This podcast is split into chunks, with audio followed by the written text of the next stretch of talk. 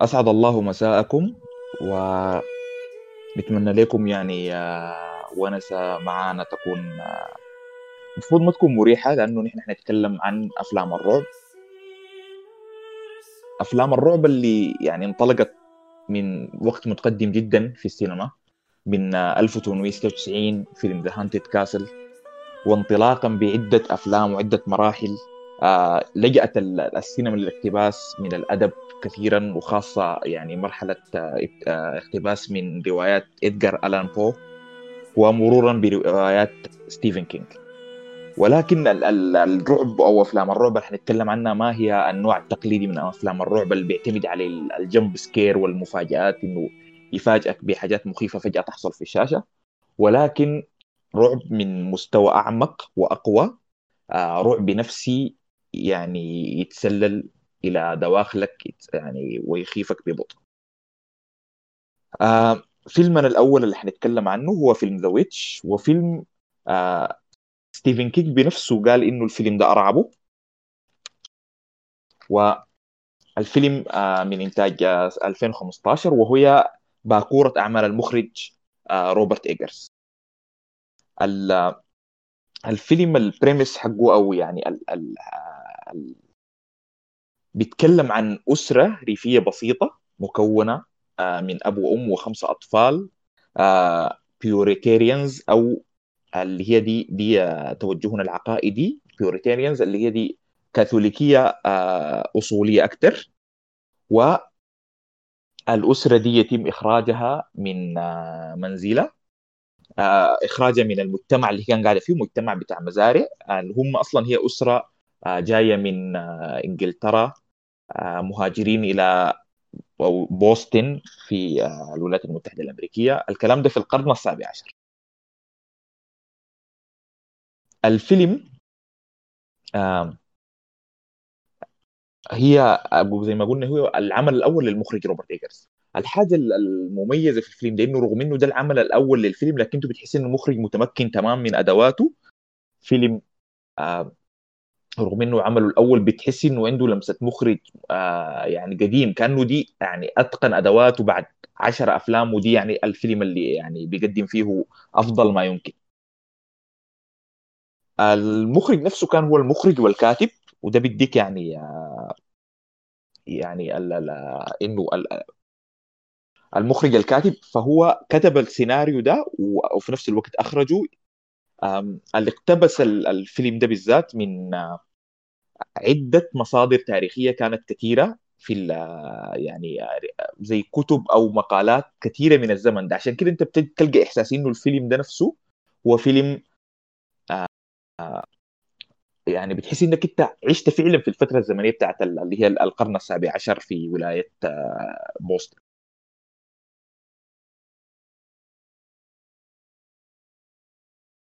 آه واحدة من الحاجات الجميلة اللي انت بتلاحظ من بداية المشاهدة للفيلم إنه الفيلم مصور بتصوير آه رائع جدا.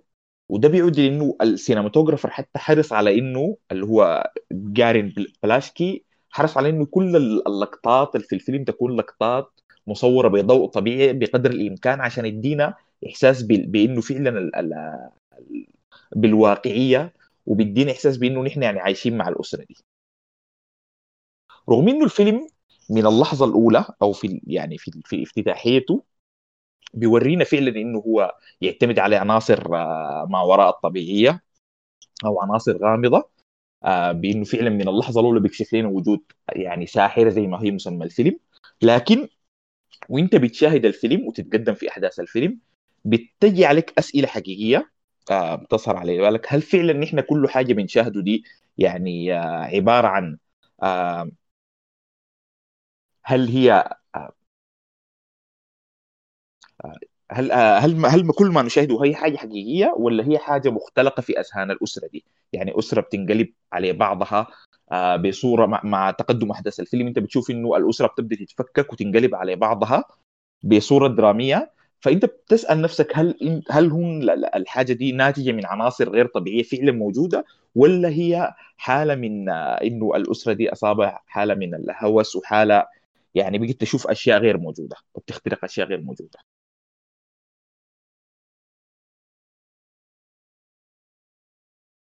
آه التمثيل من النقاط القوية جدا في الفيلم بتاع The Witch آه، في إتقان شديد للهجة. حتى الأطفال يعني في تمثيل بتاع أطفال آه، من عمر صغير جدا.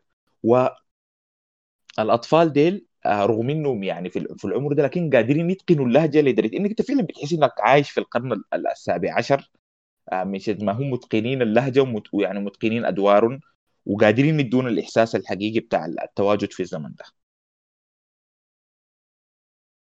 في جانب آه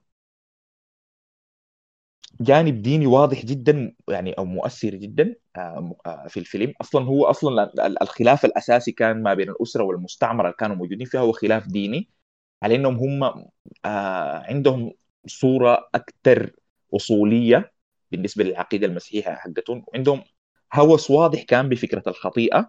واحدة من التفسيرات اللي أنت بتطلع أنا طلعت بها من الفيلم ده إنه يعني بعيدا عن المشاهد ما وراء الطبيعية.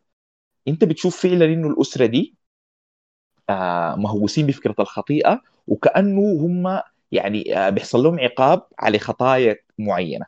فالأب نفسه عنده خطيئة بتاعت آه، الغرور. يعني هو شايف نفسه متدين بشدة وملتزم بكل حاجة لكن في نفس الوقت كان بيكذب على أهله وفي نفس الوقت كان يعني أخذ أغراض من اهله وباعها عشان يعني آه، يعيشهم آه، وكذب عليهم في الموضوع ده. في نفس آه، نفس الحاجة دي منطبقة على على الأم على البنت.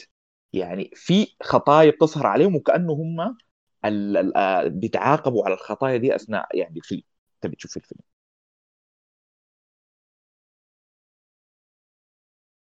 الفيلم صور في 25 يوم فقط.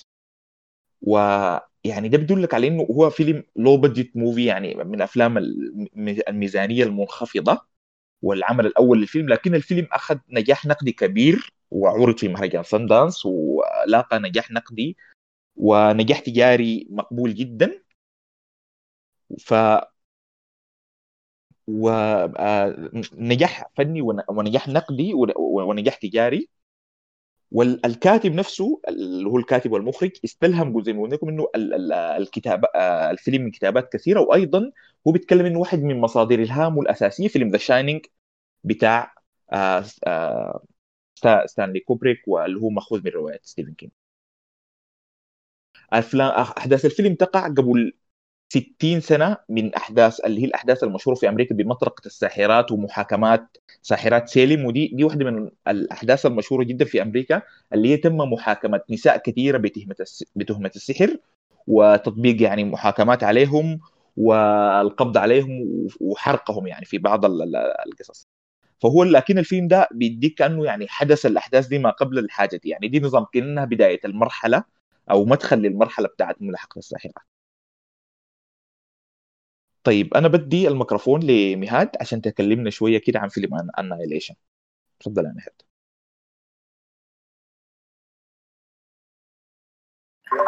okay. إزيكم يا جماعة؟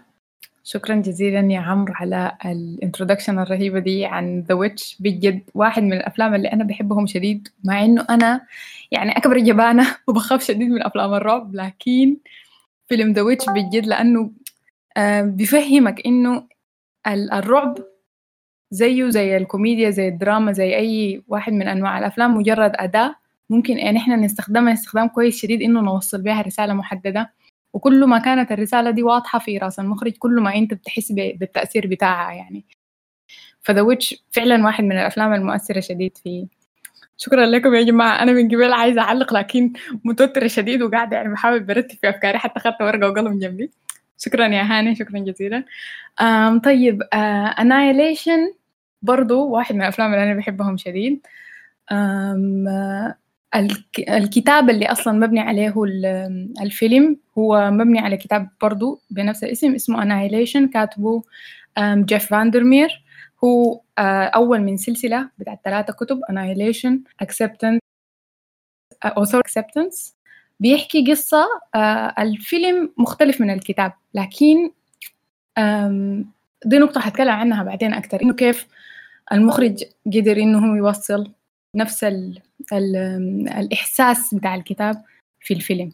طيب الفيلم بيتكلم عن شنو؟ الفيلم بيتكلم عن شخصية ناتالي بورتمان اللي هي biologist عالمة بيولوجي وفجأة راجلة راجلة في الجيش بيمشي mission وما بيجي راجع. بتحاول تسأل منه مشى وين اختفى وين اختفى وين ما في زول بديها أي إجابات. المهم بتعدي السنين تقريبا بعد سنة وحاجة فجأة بيجي راجع في البيت. جيت من وين؟ كنت وين؟ الحاصل شنو؟ ما متذكر ما عارف. جيت كيف طيب؟ بس أنا لقيت نفسي outside. outside وين؟ قال لا والله لقيت نفسي برا الأوضة. حتى مش برا البيت هو ما متذكر كان وين. فهي بتقوم بت... بترجع لل... للناس اللي مسؤولين من ال... من المهمة دي. والناس دي بيقوموا بيقنعوها إنها هي برضها آه في حدث حصل حدث دي بين قوسين طبعا. حاجة حصلت في حتة اسمها Area X مسمينها اللي هي فجأة ظهر فيها زي زي حاجز غريب كده في الحتة والحاجز ده شغال يتوسع. جوا الحاجز ده في شنو؟ نحن ما قادرين نعرف لأنه إحنا بنرسل missions وال missions ما بتجي راجعة. الزول الوحيد اللي جا راجع هو راجل ناتالي بورتمان وهو ما متذكر حاصل شنو. ف basically ده ال ده ال premise بتاع الفيلم كله إنها هي بتخش مع أربعة بنات تانيين كل واحدة فيهم عندها certain يعني عندها تخصص محدد بيخشوا هم الخمسة عشان يشوفوا جوا في ال Shimmer ده شنو أو في Area X دي الحاصل شنو. و yeah دي ببساطة كده المقدمة عن فيلم Annihilation يعني. طيب آه أنا كشخص آه رغم إني ما بحب أفلام الرعب لكن الفيلمين بالذات فيلم Annihilation وفيلم The Witch كان من أفلام يعني أنا أعجبت بهم جدا. هي لأنه أنا شايف إنه هي نوع مختلف من النوع الرعب المعتاد اللي إحنا قاعد نشوفه بصورة يعني هوليوود بتقدم فيه إنه فيلم بشكل أسبوعي اللي هي نوعية الأفلام المعتمده بس على إنه أنت بتجي حدث مفاجئ في الشاشة ولا ولا بعد الأفلام المعتمدة على إنها يعني تقطيع أطراف ومشاهد يعني مقززة أكثر منها مرعبه زي أفلام Saw. لكن Annihilation هو برضو يعني غير إنه هو فيلم آه، آه، يعني ممكن تحطه يصنف من فئة الرعب برضو يصنف من فئة إنه هو فيلم فيه خيال علمي آه، كثير. فيلم علمي فيلم فيه خيال علمي فيلم طبعا أضحك على تعليق. يعني يعني يعني بس في البدايه يقول له إحنا بنحاول بنحاول بقدر الإمكان. حرام عليك. طيب آه هي يعني فيه فيه خيال علمي كثير جدا وفيه أنا أعتقد إنه من أجمل الم يعني الأفلام يعني فيه جمالية ما طبيعية فيها مشاهد هي المفروض تكون مرعبة لو آه واحدة من المشاهد الجندي اللي بيكون آه نمت منه النباتات دي وبيكون على حوض السباحة فالمشهد ده في يعني آه في غاية الجمال يعني. حتى انت بتشوف بتشوف حاجة جميلة يعني. انت بالنسبة لل set design وانه الناس ابتكروا مشهد بالشكل ده رغم إنه المفروض تكون مرعب يعني.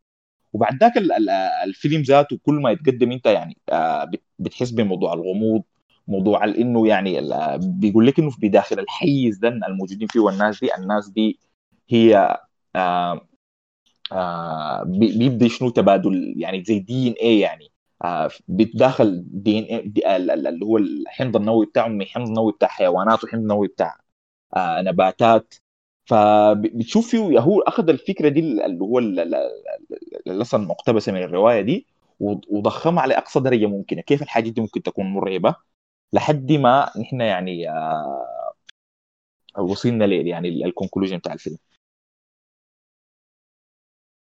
أم طيب أول حاجة آه أيوه فعلًا أنايليشن أنا دي نقطة كان برضه كاتباها لكن برضه نسيتها، إنه فيه خيال علمي، لكن يا نوع من الخيال العلمي دي دي برضه حاجة عجبتني شديد، إنه في الكتاب طبعًا في الكتاب مختلف اختلاف توتالي عن عن الفيلم، إنه ما فيه اسم بتاع أي شخصية، ما في أي شخصية عندها اسم. كل الناس مسمينهم بس بالمهنة حقتهم. يعني مثلا عالمة الأحياء عالمة الرياضيات كده ما عندهم أسماء. وهم فعلا خمسة بنات. الحاجة الثانية إنه الكتاب النوع بتاعه اسمه اسمه Lovecraftian horror اللي هو الرعب اللافكرافتي مسمى على على H.P. Lovecraft اللي هو واحد من من الكتاب من الكتاب اللي يعني أول ناس قدر قدر إنه يعني يستكشف الثيم ده بطريقة موسعة. الرعب ال Lovecraftian ما بيخوفك من ناحية إنه والله في شبح والله في شيطان والله ما بعرف شو لا. it's more uh, هو حاجة أكتر um, اسمه الرعب الكوني إنه بيخش لك في في في في وجودك بيسألك أسئلة وجودية أكتر. إنه مثلا طيب نحن في Annihilation دي الحاجة الشريرة اللي هم بيقاتلوا فيها شنو؟ هي ما ما ما, ما شبح هم قادرين يشوفوه ولا وحش هم قادرين مثلا إنه يقتلوه ولا أي حاجة.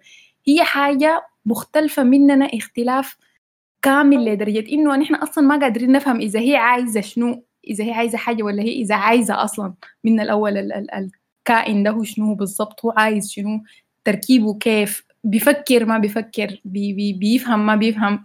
ده, ده الاختلاف اللي اللي بي بيدخل فيك رعب بتاع يعني الرعب بخوفك أكتر. في نفس الوقت هو رعب قريب شديد إن إحنا بنشوفه كل يوم في حياتنا. الحاجة الحلوة في annihilation إنه الزول ممكن يعتبره allegory أو أو يعني كناية أو استعارة.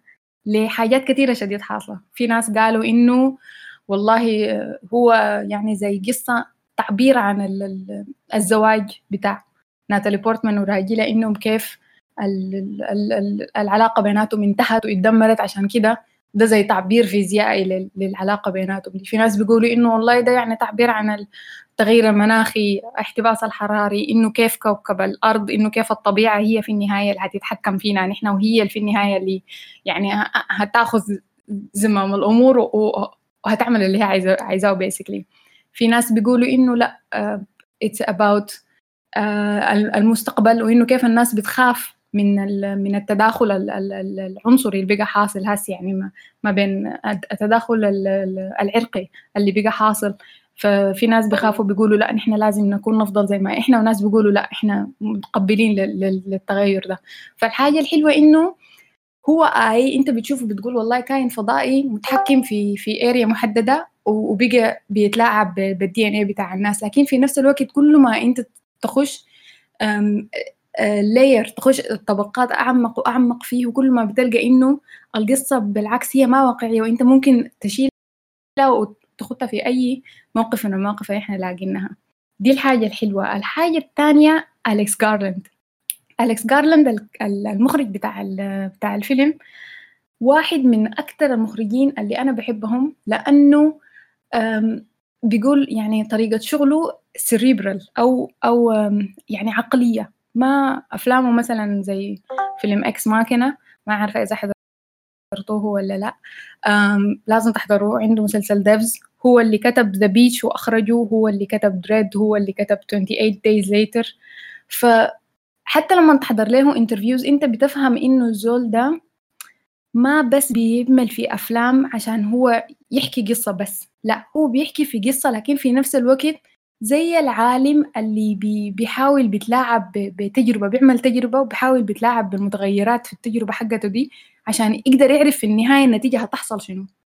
يعني زي ما هو بي بي بي يعني لما انت تحضر له فيلم لأليكس جارلاند مهما كان الموضوع اللي هو بيشيله وبيحاول يناقشه أو بيحاول يحلله في الفيلم بتحس إنك أنت كأنك أنت معاه في المعمل وإنه هو بيحاول يغير من مثلا من طيب إحنا لو شلنا ال setting لو شلنا السياق بتاع القصة دي خديناه في حتة تانية هيحصل شنو؟ هيحصل شنو للقصة؟ فأنت بتكون بتحضر في الفيلم لكن في نفس الوقت في في جزء منك تاني يعني على على مستوى عقلي تاني أنت بتحس إنه أنا قاعد أحضر في تجربة علمية والتجربة دي الزول اللي وراها وال team بتاعه كله ما هو بس يعني ما ما اليكس جارلاند براه بيقدر يعمل الفيلم. لا بتحس إنه ال team بتاعه كله سواء كان ال cinematographer زي ما قلت يا عمرو إنه بجد فيلم حلو. يعني هو أنت أنت بتشوفه فيلم رعب فيلم خيال علمي لكن ال ال الطريقة بتاعت التصوير ملونة الألوان كلها رويانة كده وطريقة مثلا الاختيار ذاته للحتة اللي صوروا فيها لطريقة الألوان بتاعت الهدوم لطريقة طريقة إنه كيف قدر يشيل الفكرة بتاعت الريفراكشن أو التكسير بتاع الضوء كيف انكسار الضوء بيقدر يغير حاجات محددة كده. 24 ساعة الأثر ده بتشوفه في ورا في الخلفية مع إنه حتى مرات في أوقات بيكون خفيف شديد لكن أنت subconsciously الجمهور بيكون شايف أو بيكون ملاحظ الحاجات دي. فاليكس جارلاند وال team بتاعه بتحس بيهم كلهم شغالين على موجة واحدة إنهم يوصلوا لك بالضبط هم قاصدين شنو أو بالضبط هم عايزين يصلوا لشنو طيب أنا داير أرجع نفس ال آه، أرجع لفيلم The Witch آه، من نفس المنطلق اللي انطلقت فيه. اللي هو يعني كيف إنه الرعب نفسه ما يكون آه، ما مجرد يعني يعني أنا شايف إنه فيلم The Witch لو كان اختفت منه كل الحاجات المتعلقة بالساحرة والحياة الما وراء طبيعية اللي هي أصلا آه، موجودة في الفيلم لكن الفيلم نفسه كان بيكون يعني شغال ويعمل على أعلى من مستوى. يعني على مستوى إنه فيلم درامي حول أسرة. أنا شايف إنه الفيلم ده متماسك أكثر وأنا دي أكثر حاجة يعني آه كان عجبتني الفيلم دي اللي هي آه تفاعل الأسرة مع بعضها. في حاجة من الحياة الناس لاحظوها إنه في في واحدة من المشاهد هو الابو ده بيطلع في في الذرة وفي الذرة دي فيها آه واحد من أنواع الفطر. قال لك إنه الفطر ده أصلا من ال من ال أنواع الفطر اللي بتعمل هلوسينيشن اللي هي هلاوس. آه، ففي يعني واحدة من النظرات الممكنة للفيلم ده إنه الفيلم ده عبارة عن هلوسة جماعية لأسرة. آه، مهووسة يعني بفكرة الخطيئة وفكرة إنه آه، إنه في فكرة سحر والسحر ده هو يعني حاجة موجودة. فجزء من إنهم يعني عايشين في جوع ما قادرين الأبو ما عنده قدرة على إنه آه، يزرع محاصيل كويسة في نفس الوقت ما عنده قدرة يصطاد حيوانات فهم عايشين في جوع ففي واحدة من التفاسير للفيلم ده إنه كل اللي إحنا شفناه ده هي بس عبارة عن الهلوسة المارة بالأسرة دي. إن هي بتشوف الحاجة دي. وزي ما قالت ولاء اللي هي فكرة إنه الإيمان بالعقاب الإلهي. أنت يعني هم بيحسوا إنه هم الحاجة دي كأنه في يعني عقاب إلهي بيجيهم على خطاياهم.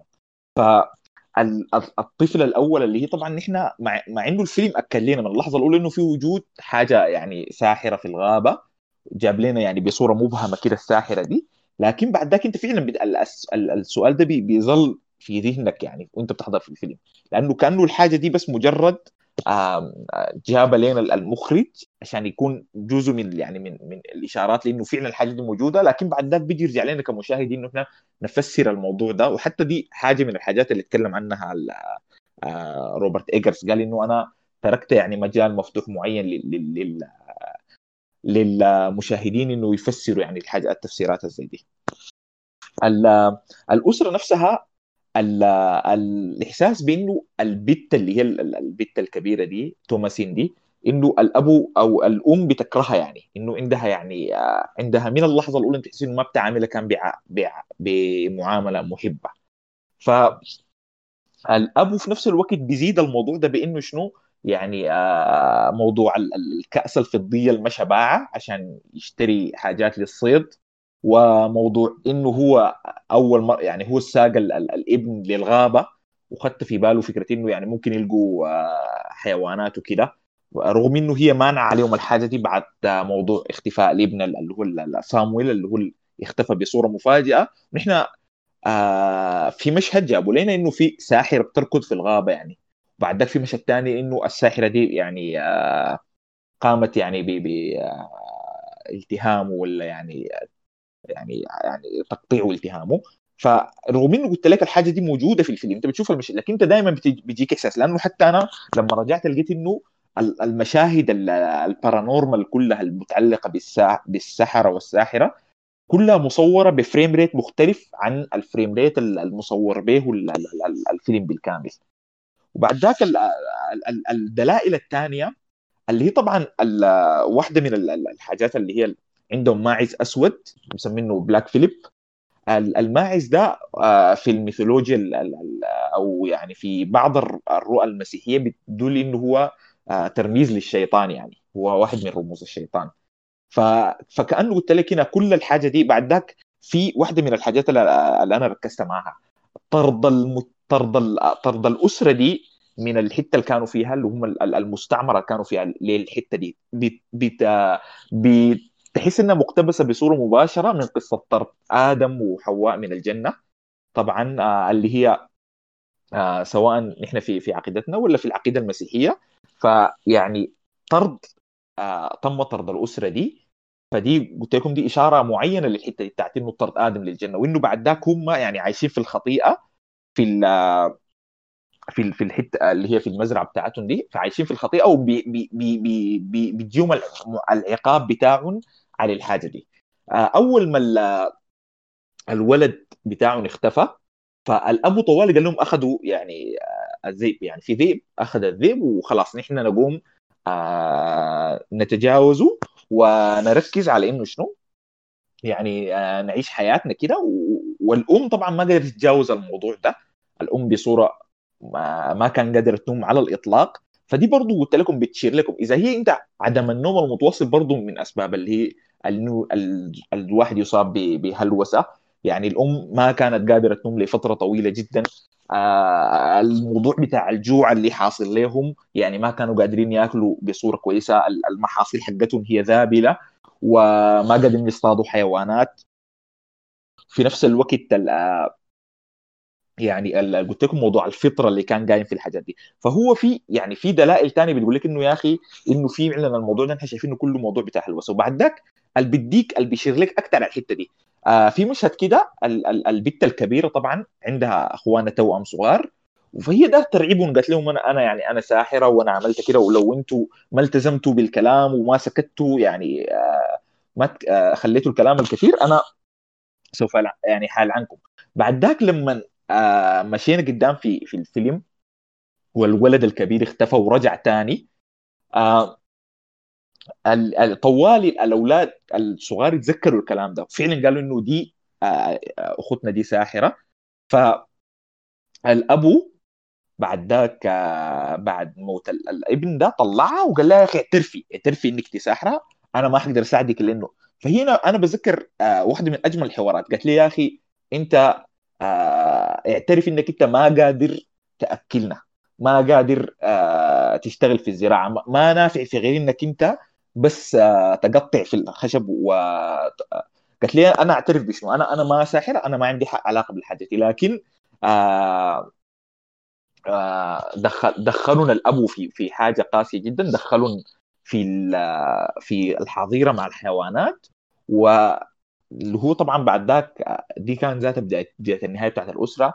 الأولاد آه، ماتوا والصباح لما اصبح الأولاد ماتوا. بعد شوية ال ال اللي هو الماعز الأسود ده نفسه هاجم الأبو وكانت خلاص يعني بداية نهاية الأسرة. آه واحدة أنا صراحة من أكثر المشاهد اللي اتحفرت في ذهني ما هنا كان مشهد قبل كده. كان مشهد بعد الابن قاعد بعد ما خلاص يعني آه لقوه وهو عاري تماما ودخلوه وكان في المطر وحاسس فيه كان يعني فيه حمى ومهلوس. المشهد ده بالنسبة لي مشهد عظيم جدا. اللي هو كان الأسرة قاعدة حوله وهم آه بيطلوا في الصلوات وهو نفسه كأنه يعني شايف شايف حاجة ما طبيعية وبيتلو معاهم في الصلوات دي لحد لحظة وفاته. وأنا شايف دي من, من أجمل المشاهد كانت صراحة في في الفيلم آه لحد لحظة وفاته. حتى اللي بتشير صراحة لفكرة اللي هي فكرة آه موضوع آه آدم وحواء وخروجه من الجنة إنه تقيأ تفاحة كاملة. اللي هي طبعا دي نحن حسب العقيدة المسيحية والفكرة المسيحية إنه آه آدم وحواء أداهم الشيطان تفاحة. فيعني دي دي, دي يعني كأنه شنو يعني طل يعني قبل ما يموت يعني استعاد يعني يعني حاول إنه يدعو كده. فيعني رمز للخطيئة اللي كان واقع فيها طلعت منه التفاحة. طيب أنا دي آه بعض الأفكار كانت عندي عندي عن الفيلم The Witch آه ممكن بعد ده فعلا ندي آه مولانا هاني فرصة يعني آه يلملم لنا الكلام ده كله في صورة كده كبيرة. تفضل يا مولانا.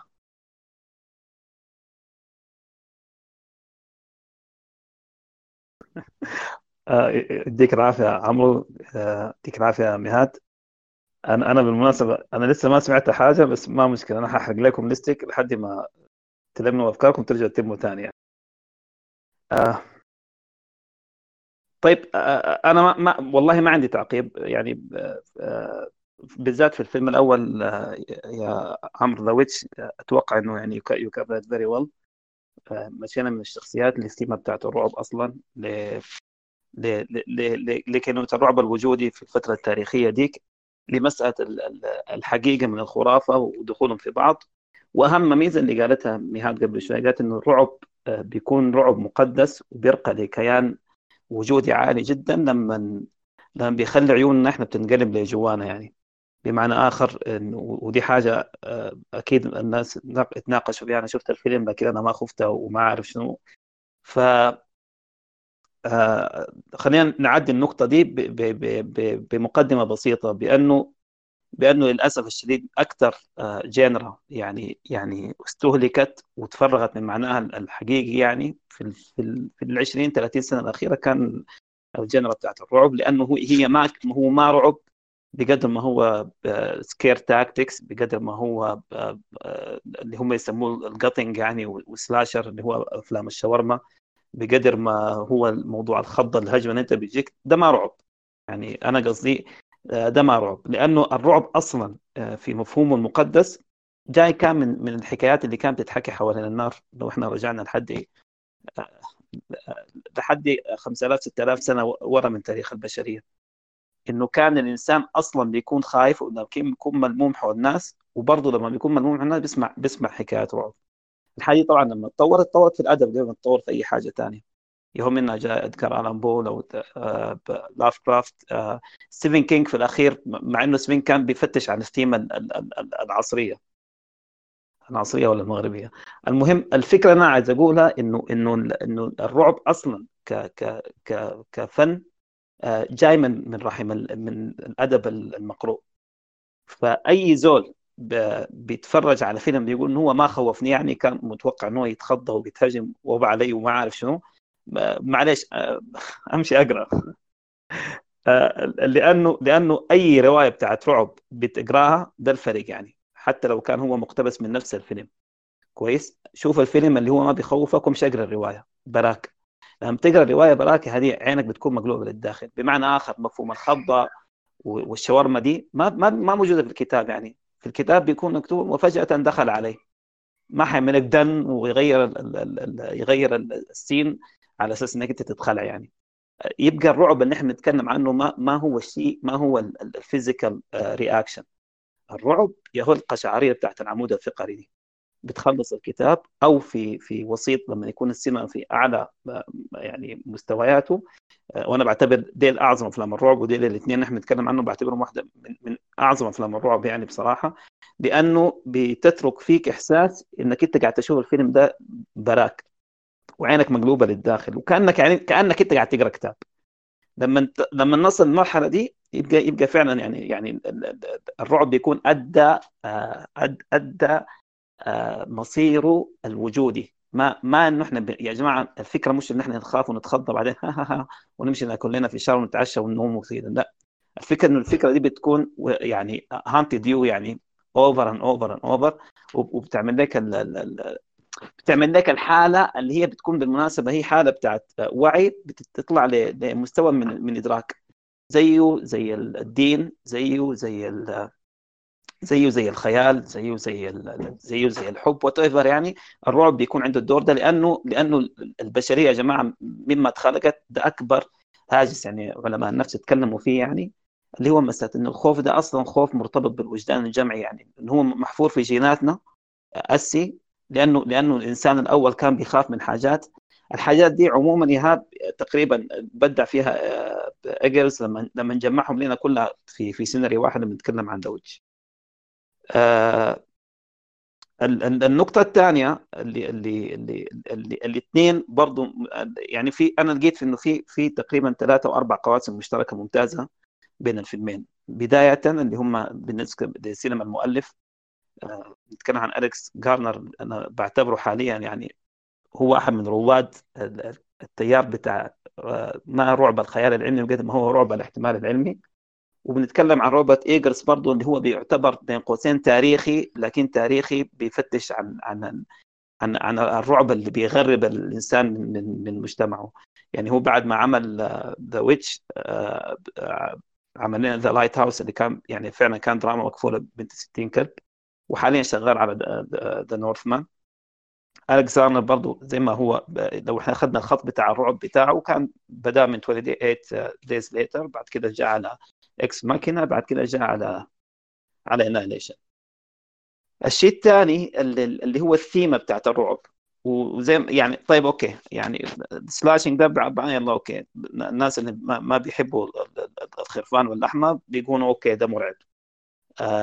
الرعب بتاع ال entities أو اللي هو اللي هو بيسموه الرعب الغريب إنه في حيوانات ولا كائنات فضائية ولا whatever جاي من برا هي اللي بتأدس okay. آه، ده مشى آه، معانا كويس. لكن لما أنا بتكلم عن عن عن الاثنين دول بالذات هم بيشتغلوا في رعب خاص اللي هو ممكن نسميه يعني اللي هم رعب الاستدراج للنهاية. الفكرة وأنا بالنسبة لي يعني كهاني آه، يعني أرفع مقام من مقامات الرعب هو الرعب ده. إنه الإنسان بي بيواجه حاجة سواء كان بمنطق أو بشجاعة أو whatever يعني وبيبقى هو الزول المقاوم المفروض يكون البطل لحد نهاية الفيلم ينقلب السحر على الساحر ويبقى أصلا هو ال object اللي اللي اللي الشر ممكن يطلع من خلاله آه ويبقى هو أصلا يعني طول الفترة هو قاعد يعملها هو كان بدل ما هو بيقاوم بيبقى هو قربان من, من حيث لا يشعر. أنا أتوقع إنه ما في حاجة أرعب يعني ممكن لمصير لبني آدم إلا إنه هو يكون متصور إنه هو إنه هو آه، زول كويس مثلا ولا هو زول مقاوم ولا هو زول آه، رب أسرة ولا هو زول عالم وبعد كده بيمشي في الطريق يلقى يلقى إنه هو لا إنه هو في النهاية لازم يضحي بنفسه كقربان عشان الشيء اللي هو بيواجهه يعني. وده الشيء موجود في دين الجزئية الثالثة كقاسم مشترك اللي هو فيه جزء من فلسفة المانويه يا جماعة لو إحنا أخذناه يعني كبعد فلسفي في موضوع الرعب. والمانويه كفلسفة هي مرعبة لأن هي بتقول انه إنه في النهاية الشر هو اللي حينتصر. وإنه الشر هو أبلغ وأكبر من الخير. وانه وإنه أصلا الخير لازم يكون موجود ولازم يواجه الشر. ليه؟ على أساس إنه ده بيفتح مجال إنه الخير إنه الشر في النهاية ينتصر. يعني هو بيقول انه انه إنه صراع الخير مع الشر هو صراع لإطالة أمد الصراع نفسه. ولا هو في النهاية الشر هو اللي حينتصر. والفهم ده فهم عجيب جدا خصوصا لو إحنا ربطناه بنهاية بنهايه العالم وال apocalypse يعني themes يعني بالذات. ودي الحاجة بالضبط اللي اتكلم عنها آه، أو ورانا لها اليكس جارلاند في في Annihilation الجزء الرابع واللي أنا شايفه برضه يعني آه، يعني حاجة عجيبة إنه إن هي لمت الاثنين مع بعض اللي هو ما حسميه ال misogyny لكن اللي هو ال ال ال الإسقاط على على على المرأة بحكم إن المرأة آه، كائنة يعني خلينا نقول واهبة للرعب يعني. والحاجة دي طبعا ده إسقاط تاريخي وسخ. وعشان كده فيلم The Witch أنا بعتبره من من يعني يمكن من, من أحسن الأفلام اللي هو تناول الجانب الجانب ده لكن طبعا ما من دون من دون اي من دون أي dialogue من دون أي تقريرية من دون أي كلام فاضي يعني. وحيسمح لي عمرو بس حقول فيها نقطتين ثلاثة لو لو لو ما عندك مشكلة. بعدين يعني أنا I'm just inducing you يعني. آه، بداية آه، الفرق شنو بين غموض وتشويق ورعب و dark scenic مثلا في السينما لما إحنا ناخذها ك themes ما ما بتشوف فيلم بتاع رعب كده بتكتب لك فيلم horror بس يعني. إلا اللهم يمكن The Witch أنا بعتبره فيلم بتاع رعب خالص. لازم يكون horror sci-fi horror thriller horror thriller mystery horror thriller mystery dark whatsoever السلة بتاعت ال بتاعت ال genres دي للأسف كان الغرض منها هو تسويقي في الدرجة الأولى. عشان كده ايجرز أنا بعتبره حامل لواء يعني إعادة الرعب لأمجاده في في في الألفية الحديثة. لأنه اللي عمله جارلر انه هو ايجرز عفوا إنه هو يطلع لنا بفيلم هو بتاع عبارة عن رعب خام. هو اللي فتح الباب لأفلام كثيرة جت من وراه عشان تحاول ترجع لنا الثيمه بتاعت الرعب دي يعني.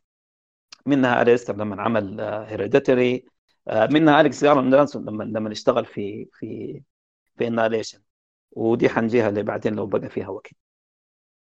طيب آه آه خلونا نتكلم بداية عن عن عن الدايلوج بتاع بتاع السحر اللي هو بيرجع لمطلقة الساحرات وغير ده بمناسبة من الجزئية دي ما حتكلم ده ما ده ما ده ما حكي دي حاجة حقيقية حصلت يعني من تاريخنا الإنساني وأنا بعتبره دي أبشع من أبشع المراحل بتاعت التاريخ الإنساني اللي مر عليها في في محاولة إن هو يعاصر ويحاول إن هو يفهم العالم وتغير العالم عليه ك ك ك ك ك tools وك ideology وك mindset وكده.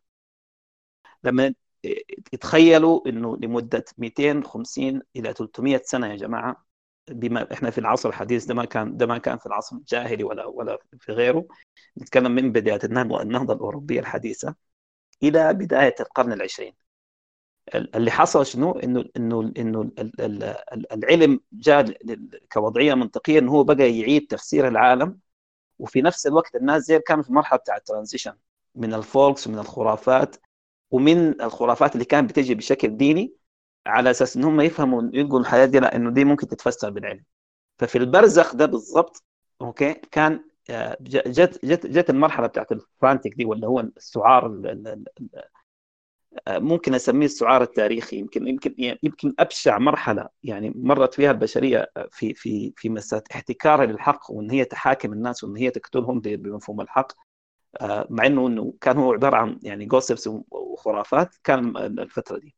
بدات طبعا أعتقد من 1400 و ويعني 1450 وفيها طبعا في الفترة دي كان طلع الكتاب بتاع مطلقه الساحرات وللأسف ده يعني هو الكتاب اللي حيمشي معنا حوالي 400 سنة لقدام آه اللي هو ماليس ميليفيكاروم الكتاب ده لما كان يتكلم كان بيتكلم عن محاكمات الساحرات اللي كان موجودة في العصور الوسطى. والكتاب ده آه كتبوا يعني ده الحنك يا جماعة عشان تفهموا الفيلم ده مهم جدا ليش كتبوا أصلا آه يعني مبشر أو قس كاثوليكي ألماني في الوقت ذاك واتطبع وتمنع طباعته لمدة بتاعت يمكن 20 30 لحد 50 سنة بعدين رجع ثاني وانطبع فيه. ليه كان هنا اتوقف طباعته؟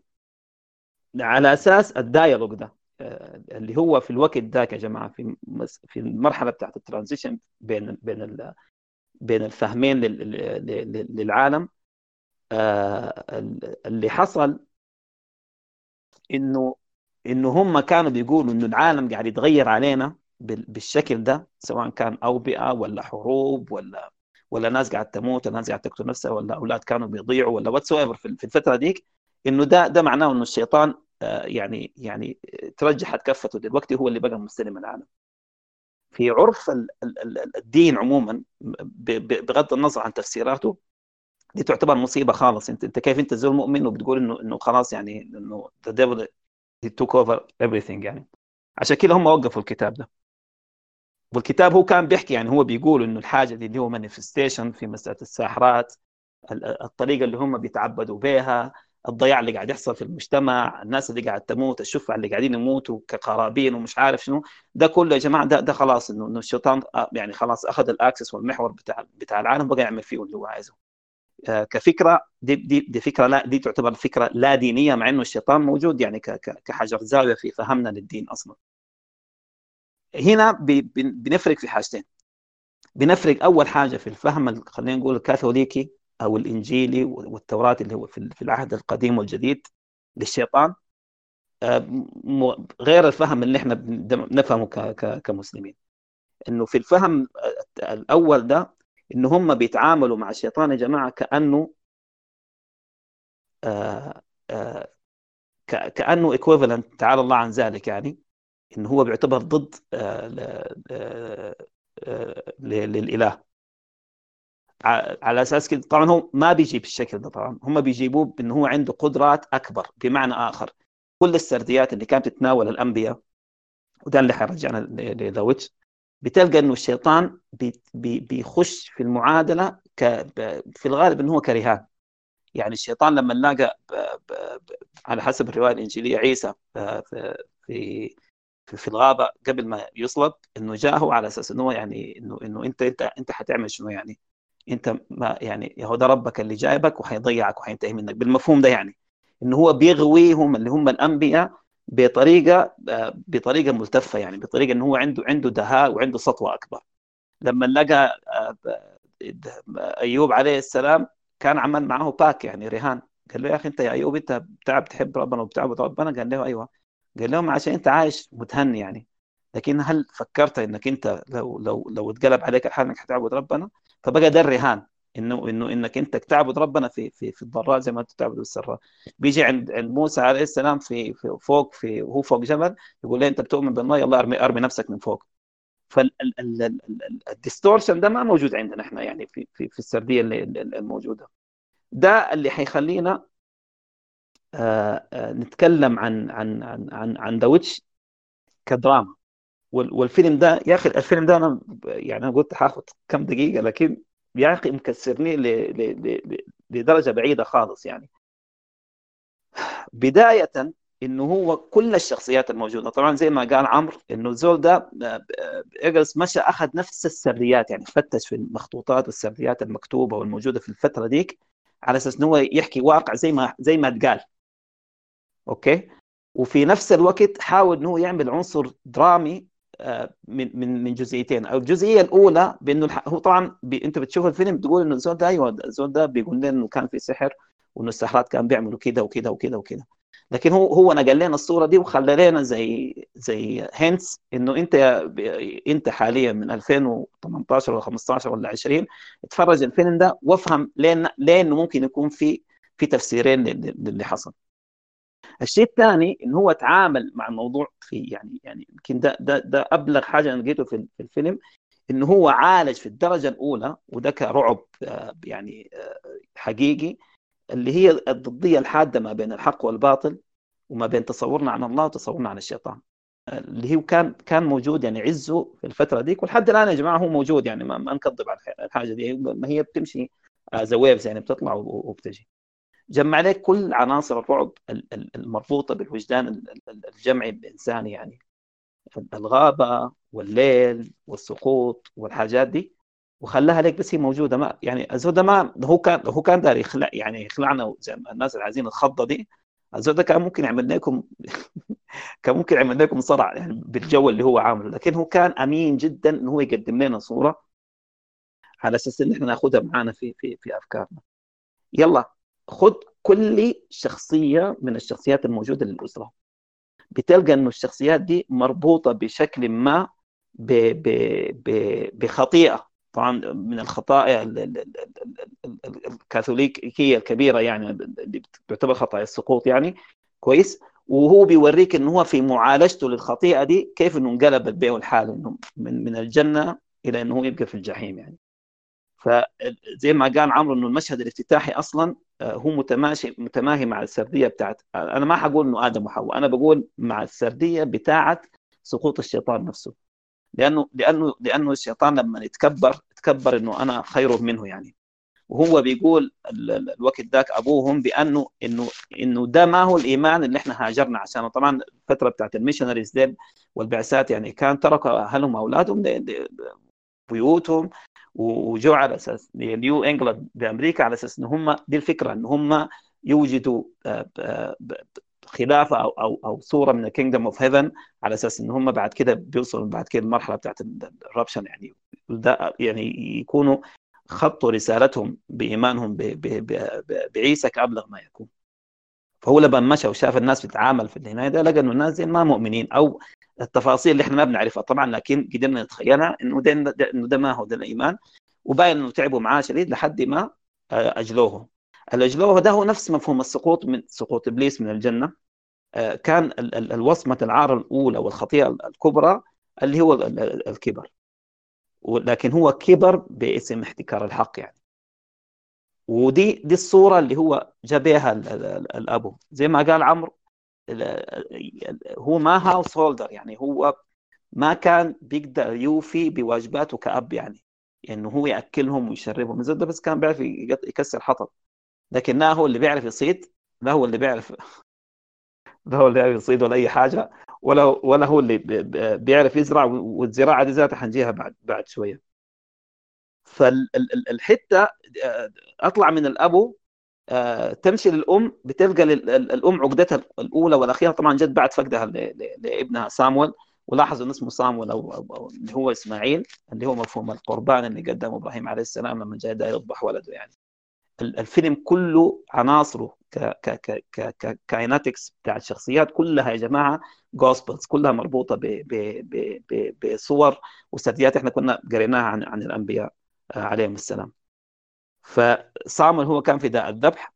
آه، آه، عكس بدينا الحاجة دي إنه إنه إنه هو الحين دلوقتي الابو متخيل. لاحظوا إنه أبو جماعة كان بيتعامل مع كل حاجة تحصل إنه هو ده ابتلاء وكأنه هو صافي نفسه مع مع الأنبياء. فولده لما هنا إيمان إنه ده أخذوا ربنا. ولده الثاني لما ده يطش أخذوا وده ابتلاء وهكذا دواليك اللي هو بي يعني فهمتوا قصدي؟ ده, ده, ده بتلقوه في مجتمعاتنا يا جماعة إنه بيعبر القارات والسماوات السابقه مفهوم الإيمان وهو الحاجات اللي تحت يده كمسؤولية ما قادر ما قادر يوفي بها بيغطي دي بيدي. الأم كان عقدتها طبعا بعد بالذات بعد اللي هي عقدة الذنب عقدة الذنب اللي تحولت لاكتئاب. بين قوسين هو اكتئاب آه، وهو اكتئاب طويل المدى يعني آه، ممكن يكون bipolar يعني لو إحنا أخذناه بالزمن ذاك يعني. وهي عارفة الحاجة دي. وهي لما عرفت الحاجة دي طبعا ده المشكلة الكتاب إنه هو لما لما بيحصل في في يعني يعني سموه يعني نقطة متقدمة في ال timeline إنه هو بيرجع يهد اللي يحرق يحرق اللي وراه كله. فهي كان بسبب الحاجة دي بقت تراجع تاريخها كله هي قاعد تحرق. وهي برضو هنا تمثلت بالغضب لما قالت أنا بقيت حاسس إنه أنا امرأة أيوب لأنه امرأة أيوب كانت هي اللي اللي ما قادرة تتقبل ابتلاء زوجها وانه حال حاله قلب بها يعني. لما ناخذ آه، توماسين كانت هي بالنسبة لنا كمشاهدين هي آه، هذا اللي هو ال truth seeker يعني. هي الوحيدة اللي إحنا شايفينها pure وهي الوحيدة اللي هي عندها عقلية إن هي قاعدة تشوف إنه اللي قاعد يحصل ده ما هي ما هي هالخرافه اللي الناس قاعد دايرة تصدق فيها. لكن وده حلاة الفيلم إنه في النهاية لما ينقلب السحر على الساحر. آه آه توماسين بس العقدة بتاعتها كان هي اللي هي العقدة بتاعت النحس. النحس اللي هو جاي من شنو؟ من ال من ال growing up إن هي آه إن هي بلغت وكبرت. فالحاجة دي آه، دي مربوطة طبعا في في المفهوم التشاؤمي. دائما يا جماعة مرحلة المراهقة بتكون في هي مرحلة مرحلة تشاؤمية بغرض فهم العالم بعد ما أنا تغيرت أصلا آه، كزول. فتوماسين هي عارفة الحاجة دي لكن بحكم إن هي يعني بيوفاينج وأهلها بيوفار والحتة كلها يعني ملائكية في ملائكية ما بتحاول تغض النظر عن عن, عن الشيء ده قدر الإمكان. لكن في نفس الوقت وده ده دي المكنة الرهيبة إنه هي بتشوف إنه في حياة بتوريها لا يا بنت الناس أنت أنت ما أنت ما بريئة. يعني اللي هو السينس بالذات موضوع الدم البيضة اللي اتكسرت وطلع الدم لما جت تحلب العنزة وطلع دم وإلى آخره ده اللي بيحسسها بالمفهوم الكريمنال أو الغير موجود فيها لكن زي ما قلت لك إنه كان بيسيطر بيسيطر عليها. في المقابل أخوها آه، آه، أخوها آه، توماس ولا والله ما أعرف اسمه نسيته. بنفس الحتة هو برضه بلغ في في نفس الفترة لكن هو دلوقتي بي بي بيتعامل مع البلوغ يعني والشهوة البكر اللي فيها بنفس التعامل المسيحي أو الكاثوليكي في الفكرة دي مفهوم الإغواء ومفهوم اللعنة.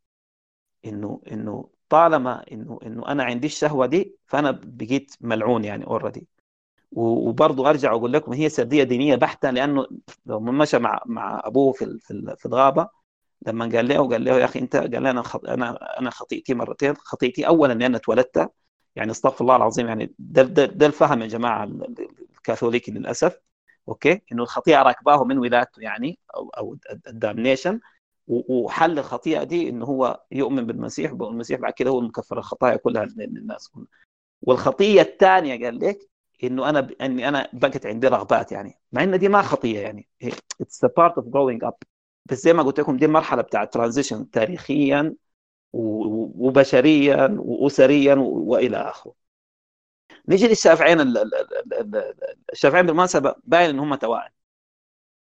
والحاجة دي برضه يعني خطاها لكم يعني ايجرز عشان يوريكم انه إنه الحياة اللي كان هم قاعدين يعملوها إنه الناس دي بيكملوا جملهم وبيغنوا في وقت واحد وبيكوركوا في وقت واحد وبينسوا الصلاة في وقت واحد. هو كان بيتكلم فعلا عن عن الحاجة اللي ما ما تعرفت إلا في في في وسط القرن العشرين إنه في إنه في علاقة روحية خاصة بتكون موجودة ما بين التوائم آه الله يسلمك بين بين بين ميرسي وجوناس. لكن آه زي ما قلت لكم هو خط الحياة دي نظامين تعاين براك يعني بعد كده أنت قرر يعني إذا هم يعني بداية إنه هو معروف أنا ما عايز افتح الباب ده لأنه ما حنسكت لكن لكن يا جماعة السردية بتاعت السح السحره والساحرات اللي يعني اللي وصلنا لموضوع الميسوجيني اتحرق فيه أكثر من ست اتحرق واتقتل واتشنق واترمى في الموية غرقا أكثر من 60 ألف مرة في الفترة ديك يعني فترة بتاعت 100 سنه 100 سنه وفيها. وكان أي إشاعة يعني دي الفكرة اللي أنا بقول لكم إنه دايرين يتخلصوا من أي زولة إنه يا يخطوا جنبها أرنب في بيتها يا عنزة سوداء يا يا غراب. بأسود whatever يطلعوا لهم قصتين ثلاثة بيجوا يحاكموهم وايا كان الشيء اللي هي بتقوله أوكي ممكن يثبتها في المحكمة على إن هي ساحره يعني كان يعني طيب بشكل آخر دي كانت التهمة بتاعت المكارثية زمان وحاليا دي التهمة بتاعت الإخوانجية حاليا. إنه كان ممكن يصفوا بها لكن ما كان بيصفوا بها ناس بقد ما كان بيصفوا بها نساء. يعني يا جماعة كان بيحاكموا المرأة ساحرة ما ساحرة اعترفي حن... بناية اعترفي عشان نخلصك من خطيتك. أنا ما بعترف يا جماعة أنا زوله مريضة مثلا أثبت عليك الحاجة ما بتقدر تثبت إنه هي عندها مرض سواء كان اكتئاب ولا بعد حمل ولا هو كان اكتئاب طويل المدى ولا هو كان whatever أوكي طيب خلاص ما دام كده إحنا حنجربك حنعرفك ساحرة كيف؟ ياخذوها ويكتفوها وبيرموها في الموية في البحر. بيقول لك كده الوقت ذاك إذا هي قدرت تمشي فوق فوق الموية وتعدي يبقى هذه ساحرة. إذا غرقت وماتت لا لا هي ما ساحرة. وعليك باقي الحساب يعني. فالفكرة إنه إنه كان كان مشبع الموضوع يعني ب ب في في مفهوم ال misogyny بالذات لارتباط الهستيريا طبعا. الهستيريا جاي من من هيستروم اللي هو الرحم يعني. لأنه الوقت ذاك هم ما قادرين يفهموا السيكولوجية بتاعت المرأة ما قادرين يفهموا البيولوجية بتاعت المرأة ما قادرين يفهموا ال interactive لما لما المرأة نفسها كان بتبني في المجتمعات الجديدة دي. فكان عادي يا جماعة كان يعني يعني في إيرلندا يعني حصل في عندهم مثلا في خرافة اسمها changeling دي كان واحدة من الخرافات اللي بيثبتوا فيها موضوع الأمراض الاكتئاب يعني. الزول الشافع بالذات هو بيقول الشفع وحريم. مما يتغير يبقى ما ما يهو في كلامه ما يهو في ونسته ما يهو في أكله.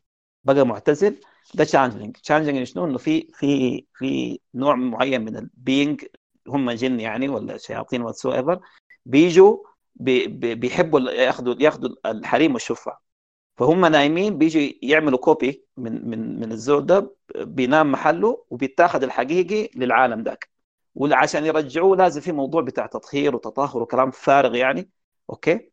بسبب الموضوع ده فعلا يا جماعة كان في يعني يعني يعني ثبتت يعني في قصة معروفة اللي هو بتاع بتاع جيمس كليري في في إيرلندا إنه الزول ده قتل مرته وحرقها أوكي بعد ما موضوع التشالنجينج والتطهير ده بعد ما هو عرف إن هي بقت كويسة مع الخرافة دي ليه؟ لأن هي كانت زوله يعني يعني يعني self independent هي اللي كانت يعني هي اللي كانت بتصرف على البيت والزول ده ما كان قادر يتعامل مع الحاجة دي. طبعا في نهاية القصة إنه هو انتحر يعني في النهاية يعني. آه فبنفس المفهوم ده آه إحنا بنتعامل دلوقتي مع مع دراما خلينا نسميها دراما أسرية. ومن خلال الدراما الأسرية دي إحنا دلوقتي قاعدين نتلمس موضوع الرعب. يبقى هو قاعد يوريك اولا هي ثلاث دوائر يا جماعة. الدائرة الأولى إنه الرعب الحقيقي هو فينا إحنا تصورنا إحنا عن نفسنا. في تصورنا إحنا عن نفسنا وعلاقتنا عن العالم. كويس؟ الدائرة الثانية يهم الحاجات اللي قاعد تحصل في العالم ده وبناء عليه أنا بفسر مش بفسر أنا بناء عليه بقبل وبؤمن بتفسير معين آه، منعكس من شخصيتي اللي أنا اللي أنا متخيلها عن نفسي. والعالم الثالث أو الدائرة الثالثة هو هو الرعب. الرعب من الحاجة الما مفهومة من المجهول. وده ده الرعب اللي إحنا لحد ما حنموت يا جماعة حيكون يعني مطاردنا إنه الإنسان أصلا ما بيخاف إلا من الحاجة اللي بالنسبة له هي حاجة مجهولة. طيب آه طبعا كان في في في كثير من التناصات آه عمرو إن شاء الله يذكرنا بها لكن لاحظوا ان القصة دي لما أخذ السريات دي أخذها كان في بداية القرن ال 17 يعني إحنا لسه ما وصلنا ذاته يعني آه لسه ما وصلنا عملية حرق الساحرات اللي هي حصلت في سيلم وفي ماساتشوستس بعديها تقريبا ما أظن والله 60 أو 70 سنة.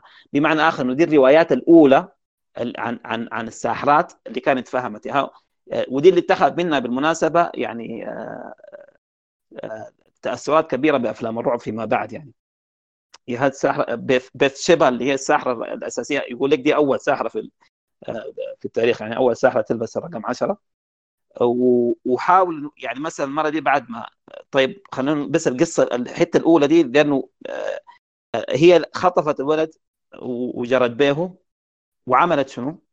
قطعت الولد وأخذت وبقت تهرت آه، دهنه عشان آه، لازم كان ده طبعا دي يا جماعة دي سردية. أنا يعني بقول لكم ده الشيء اللي الناس كانوا بيقولوه باعتبار إنه ده شيء حقيقي يعني. إن هي تدهن نفسها نفسها بدهن بتاع ولد آه، أول شيء لازم يكون رضيع وأن بابتايز يعني. هون خلاص مما يحصل إنه يبقى بابتايز الموضوع ده حيطير منهم. عشان كده الولدين التوائم يا جماعة مستحيل إن هم يكونوا متلبسين بالسحر ده. This is my point يعني. آه فقامت المرأة اللي هي العجوزة. طبعا الساحرات بيقول لك هي ليه ليه ليه بتوقع الكتاب مع الشيطان؟ أول شيء عشان يكتب لها عمر طويل يعني. شبه الخالد وبعد كده تعمل اللي هي عايزة تعمله. فهي باين هي مره مره يعني يعني مترهلة في في في, في العمر إلى أرذله. لكن بسبب الحكاية دي تحولت وبقت الحاجة المغوية دي. طبعا في ارتباط بعد ذاك معاه مع الأرانب أرانب الصيد. دي بالمناسبة كان الوقت ذاك بيقول لك بيشوفوا أرانب الصيد بيعتبروا إنه هو بيكون مانيفستيشن للاستحواذ زيه زي العنزة السوداء. آه زيه زي الغراب الأسود زيه زي المكنسة اللي كان السحرات بيقوموا يركبوها بيطيروا بها في السماء. آه، الحاجة الاخيره اللي أنا عايز اختم فيها في الحته دي عشان أنا والله ما كنت داير اتكلم عن The Witch بقدر ما كنت عايز اتكلم بقدر ما كنت عايز اتكلم عن Annihilation لكن لو بقى في شيء ان شاء الله الواحد يلحقه آه، انه انه لاحظوا ال mirroring ما بين الفيلمين انه هنا ال lead بقى زي ما قلنا لكم هو هو الشاهد الذي يتحول إلى قربان بنهايه الفيلم و وال وال وال وان هو بيتكلم أصلا ال range الأساسي بتاعه في في في ال dialogue مربوط بحريم وفي تفسير علاقة الناس دي بالعالم يعني يعني يعني الفكرة الأساسية يا جماعة إنه هل هي هلاوس؟ أيوه هي هلاوس ليه؟ لأنه لأنه الفترة ديك اللي, اللي, اللي يعني كثير من السردات اكتشف فيما بعد عن طريق العلم يعني وهذه ورانا اياها بايجرز بالمناسبة.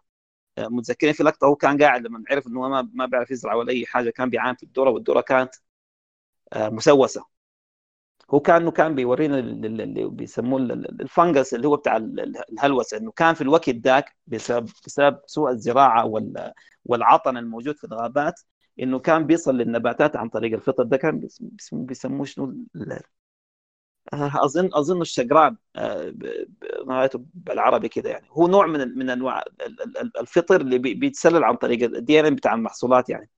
فهو بيقول لك already إنه الناس دي يعني حتى الولد اللي اللي تفه ما بين هل هو cherry؟ أنا أنا افتكرته ما تفاح أنا افتكرته كرزايا لأنه كرزايا له علاقة بالعذريه انه إنه هو لما ضاع بقى ياكل من من من, من الواطاه وهم كانوا لو أنتم ملاحظين مشهد واحد قطعوا بقوا يقسموا العيش وهم بيصلوا وكان بياكلوه. إنه الناس كلهم كانوا في المرحلة بتاعت الهلوسينيشن يعني بس هم بس هم ما, ما, ما كانوا ما كانوا آه عارفينه. مع كده بقى في في تفاسير يعني علمية أو مش علمية تفاسير منطقية جدا قدام عينك أنت بتشوفها يعني. المنظور بتاع المرأة الساحرة اللي أخذت الولد واغوته ده ده منظوره هو بالمناسبة. ملاحظين؟ آه لكن هو بيقول لك انه الصدع الأساسي ما صدع في الفهم. إحنا إحنا ما إحنا ما الرعب ما بيجينا أو ما بنسلم نفسنا للرعب ولا للشر ولا للشيطان ولا whatsoever اللي أنت بتقول عليه ده إلا لما لما نحس بالصدع جوانا.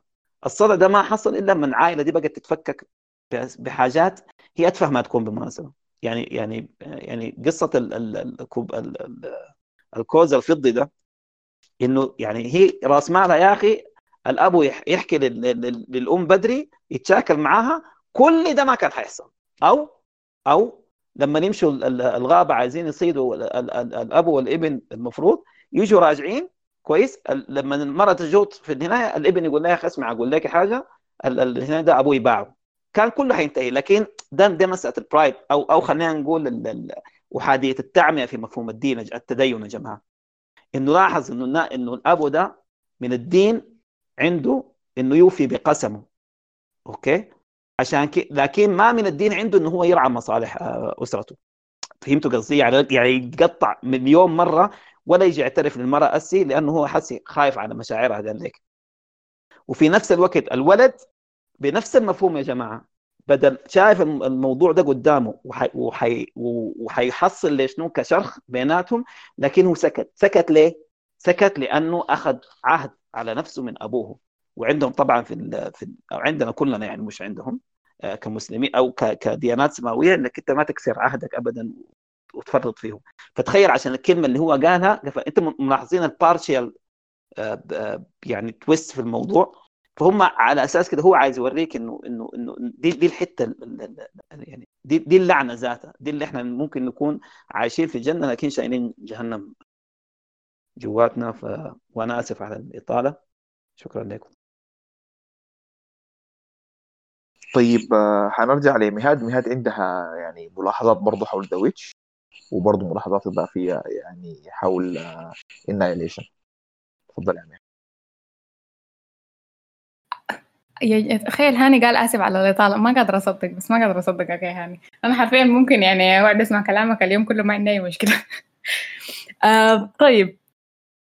أي يعني في كل... في كلام كثير شديد قاله هاني. كل كلمة فيه عبارة عن مفتاح فتحت لي يعني كمية من ال ال discussions في راسي. طيب في نقطة أنا عجبتني شديد في The Witch والسبب اللي أصلا يعني السبب اللي أصلا The Witch واحد من ال... من الأفلام ال... كويس هنتكلم عن Annihilation بعد شوي.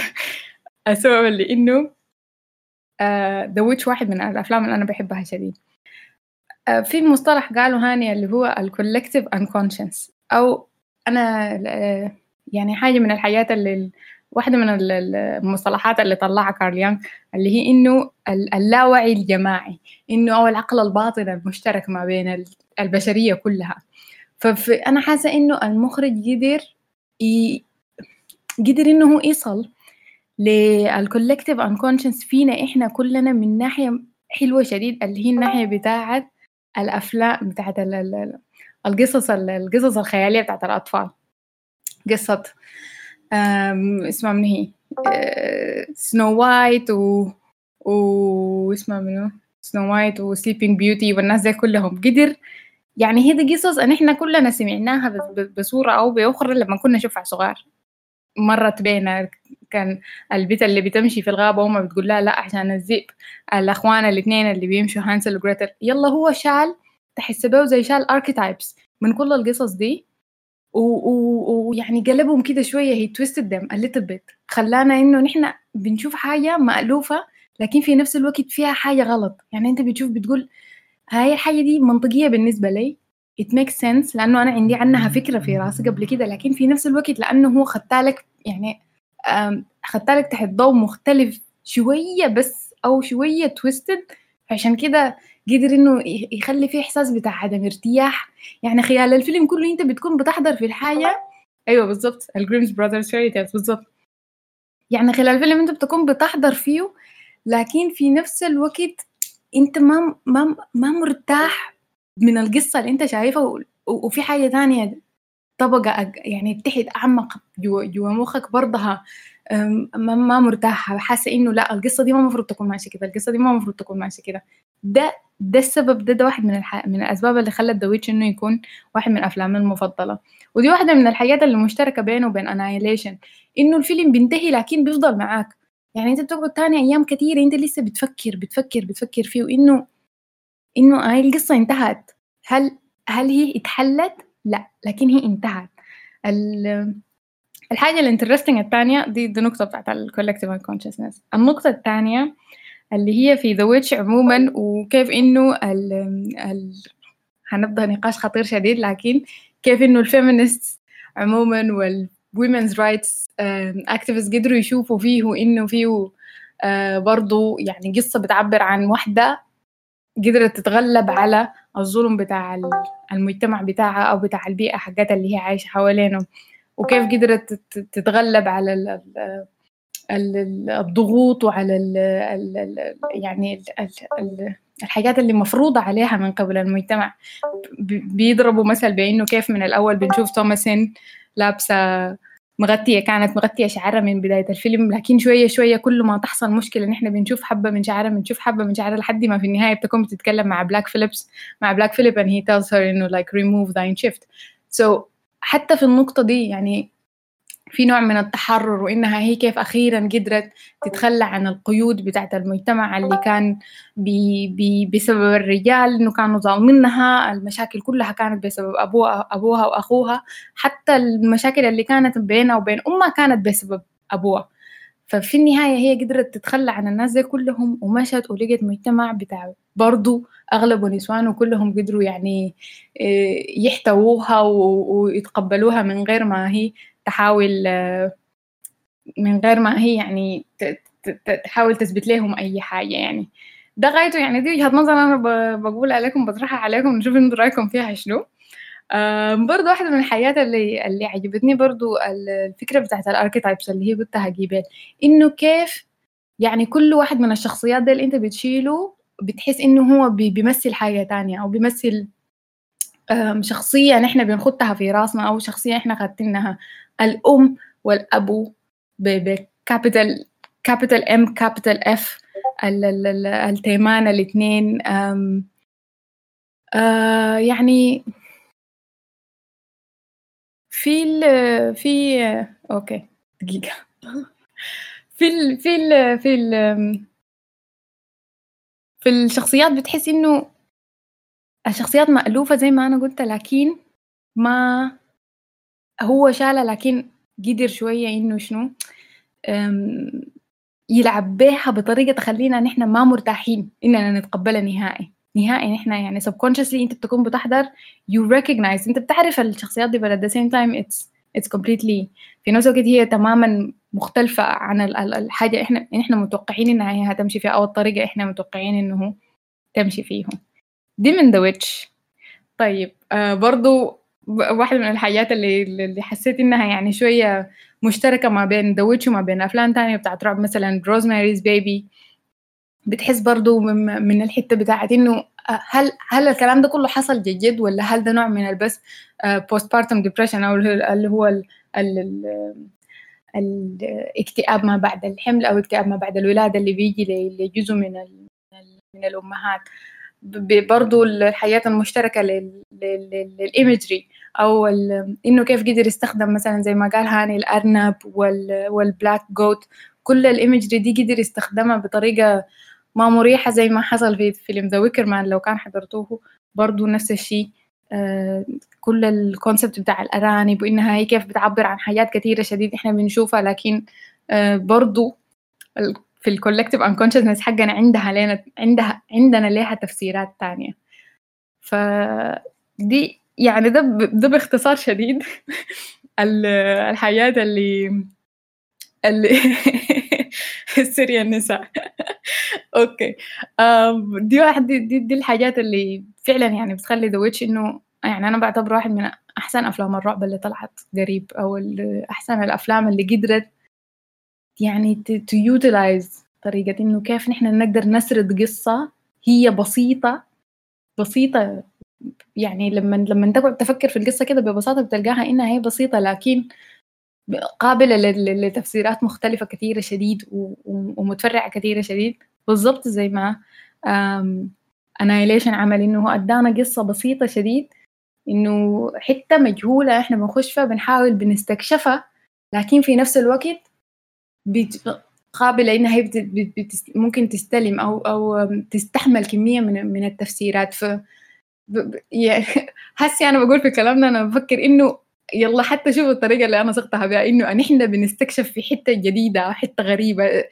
هنا برضه بتحس إنه كأنه نحن خاشين في جزء مختلف من مخنا أو كأنه المخرج أليكس جارلاند وإيجرز الاثنين عايزين عايزين يدخلونا في حتة من مخنا نحن ما عايزين نخشها أو يعني عارفين إنها هي موجودة لكن في نفس الوقت ما ما مألوفة لنا فتخيلي هنا دي برضه نقطة من من من إنه الفيلمين بيتلاقوا فيها. إنه المألوف اللي غير مألوف اللي هو نحن عندنا عنه فكرة لكن في نفس الوقت دايما فاضل في الظلام كده. ما ما في زول بيقدر يخش جوا ويشوف يستكشف بوضوح الحاصل شنو هناك. أحاول أفسر بالضبط الحاصل شنو. وانور و... النور basically عن الجزء المظلم من مخي ده.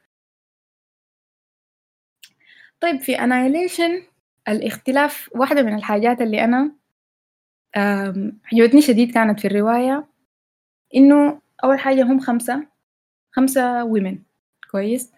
كل واحدة فيهم عندها كان profession آه، محددة مهنة محددة. هي كانت بت بت basically ده كان التعريف حقها. إنها ما عندها اسم حتى ممنوع إنهم هم يعرفوا بعض على إنهم حياتهم برا قبل ما يجوا. ال mission دي كانت عبارة عن شنو؟ دي واحدة من النقاط اللي أنا حسيت إنه شوية لو كان المخرج يعني تبناها في الفيلم هي كان شوية هتكون صعبة إنها تدعمي إنه نحن كيف هنقدر نفهم الشخصيات وكيف إنهم هيتكلموا مع بعض يتواصلوا مع بعض. لكن يعني تخيلي لو كان لو كان أليس جارلاند حاول شوية كان ممكن يحاول يعني يقتبسها بطريقة أحلى.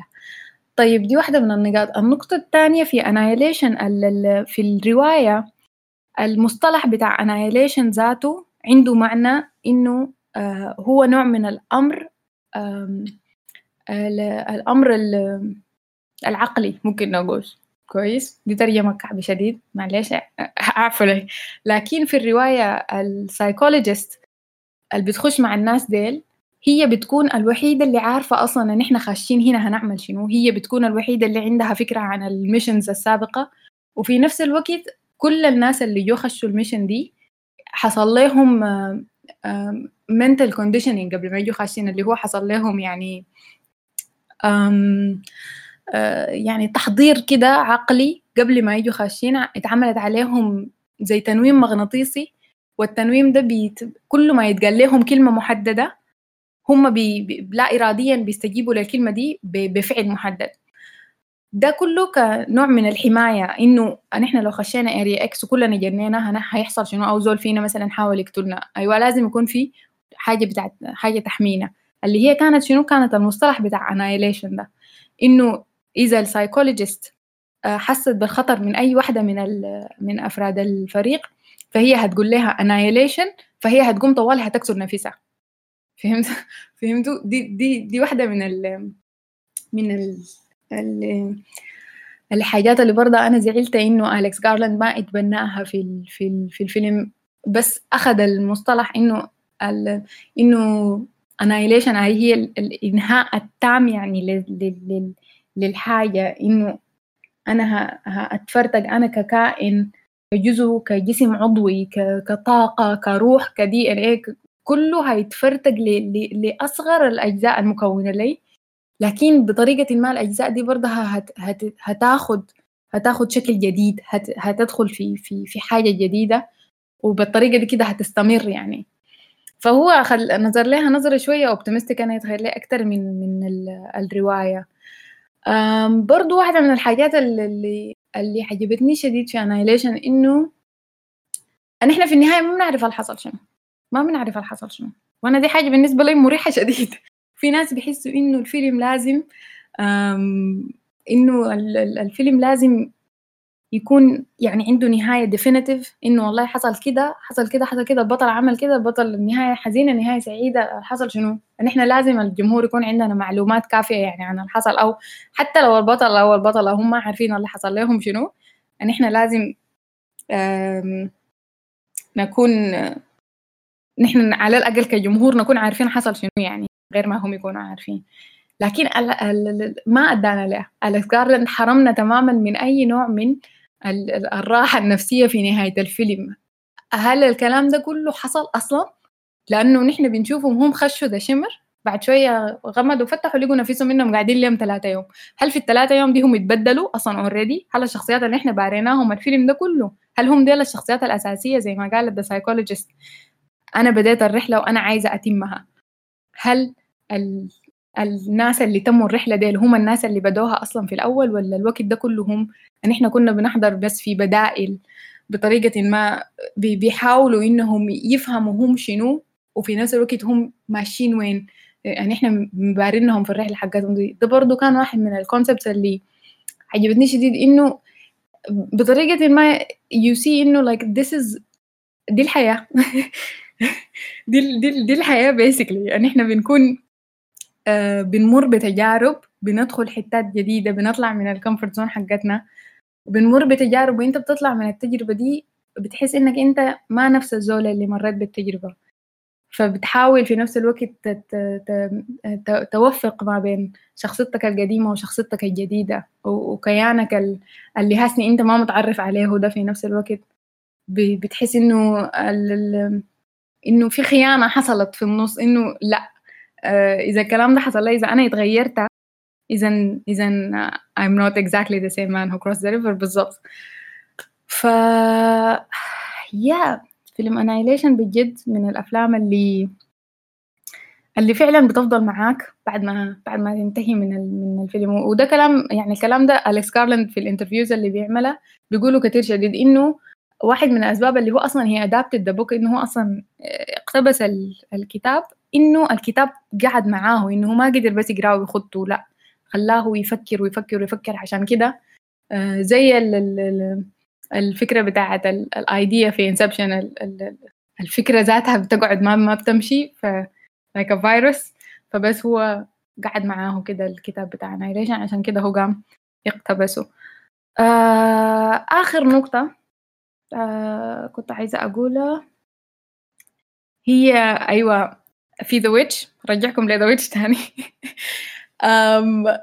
the new IndieWire المجلة بتاعت IndieWire بتاعت الأفلام عملت مقابلة مع بنات ساحرات. هسي في زمننا ده. وقالت لهم رأيكم شنو عن ال... عن الفيلم بتاع The Witch فهم في وجهة نظرهم كانت حلوة شديد. برضو ياهو تكلموا عن ال feminist point of view بتاعت الفيلم. وقالوا إنه كيف أغلب ال ال ال البنات اللي اتحرقوا في زمان في سيلم ولا في نيو إنجلاند عموما إنه كانوا بس بنات صغار أهلهم بيبيعوهم basically إنه يمشوا يشتغلوا في بيوت ناس والمشاكل تحصل والمرة تقوم تقول لا والله البنت دي أصلا هي ساحرة عشان كده و... وفي النهاية طلعت أسباب شنو؟ يعني ما في الحاجة اللي بتضحك إنه واحدة من الساحرات قالت إنه the, the, there was no devil. ما ما كان في شيطان. الشيطان كان هو الناس الناس اللي عايشين فده نفس الكلام اللي قاله هاني إنه بجد إحنا بنحس الرعب الحقيقي إنه هو الرعب اللي بيورينا إنه ما في ما في حاجة بتخوف. الحاجة الحقيقية هي إحنا إحنا الرعب الحقيقي وإحنا إحنا بنقدر مرات بنعمل حاجات الشيطان ذاته ما ما كان بيتوقع إنه ممكن زول يعملها. بس شكرا لكم.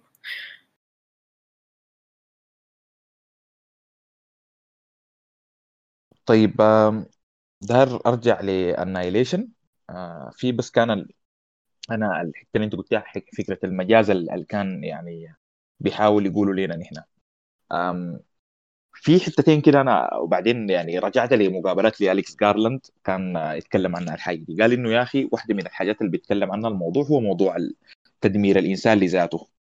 ف آه، بيتكلم عن إنه شنو؟ إنه يعني لا نحن لو مذكرين في أول الفيلم كان أصلا هي ال ال ال ال الشخصية الممثلة ناتالي بورتمان هي آه قايمة بدور آه بتاعت عالمة أحياء وكان بتدرس آه في موضوع السرطان والخلايا السرطانية.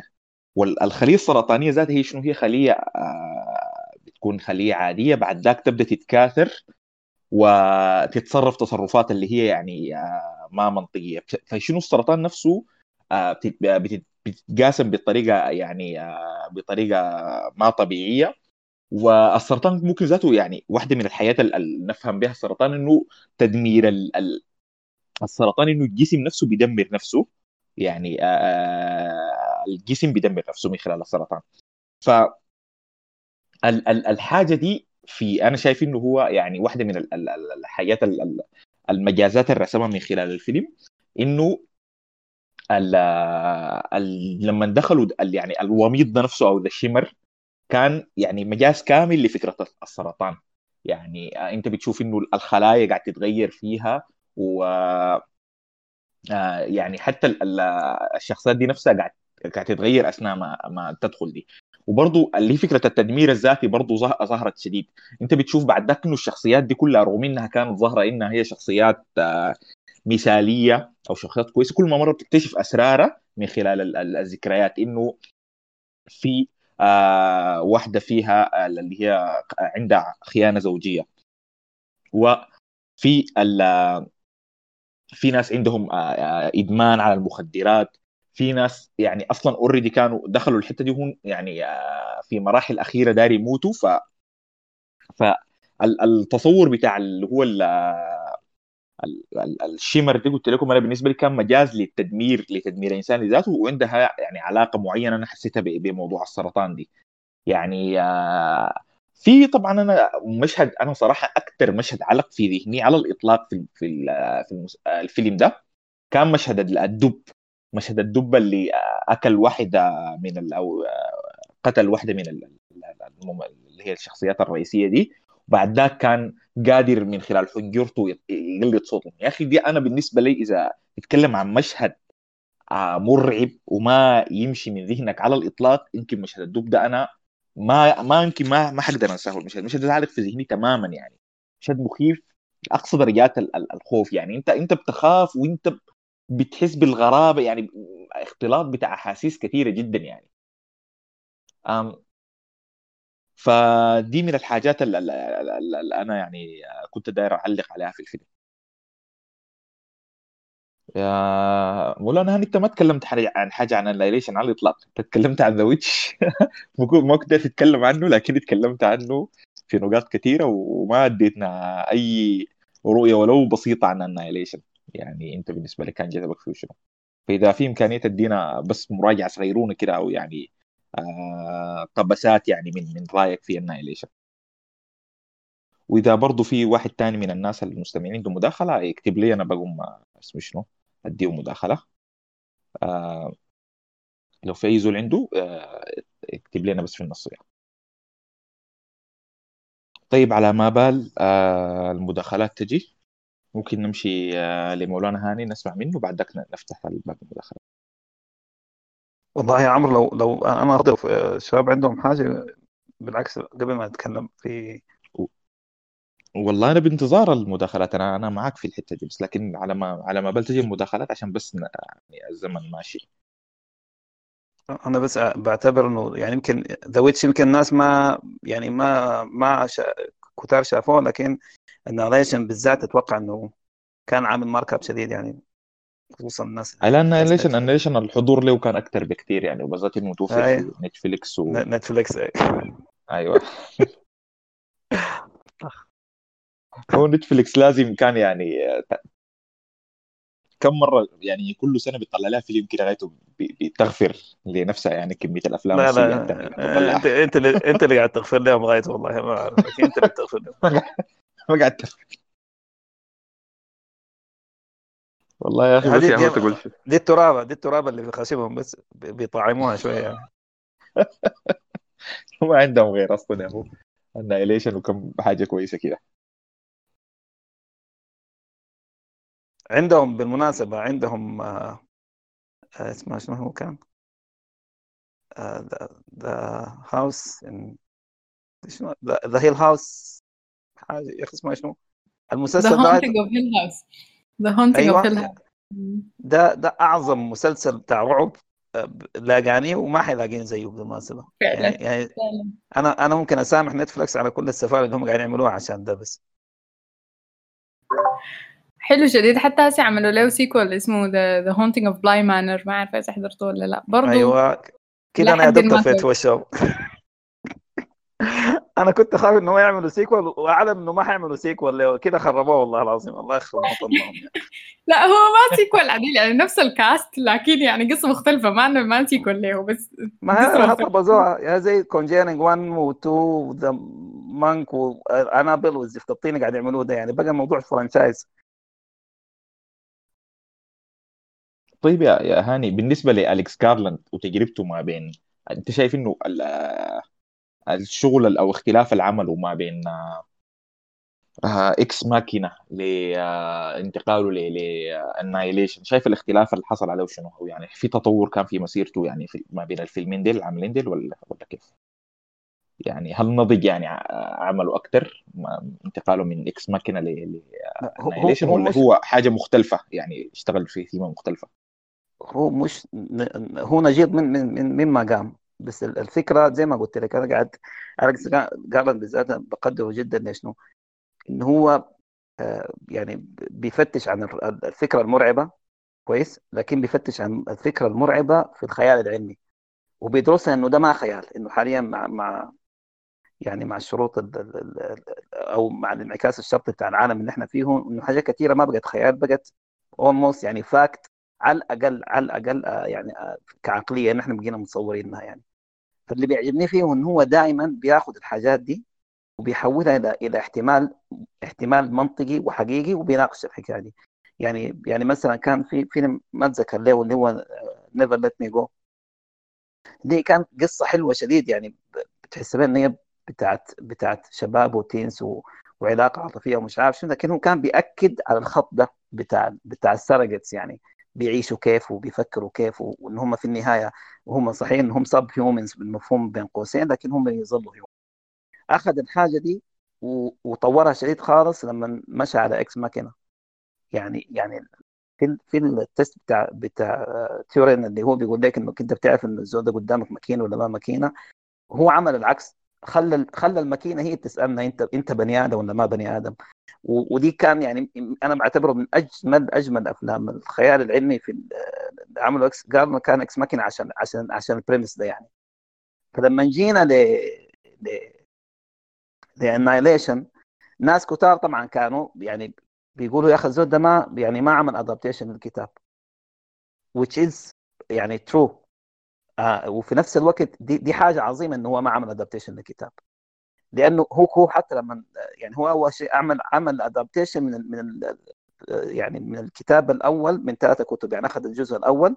وحتى لما كتب أو السيناريو بتاعه قال أنا تعاملت مع مع الكتاب آه، أو مع الفيلم كأنه هو حلم عن عن الكتاب يعني عن عن الرواية يعني as a dream of, of, of the book يعني.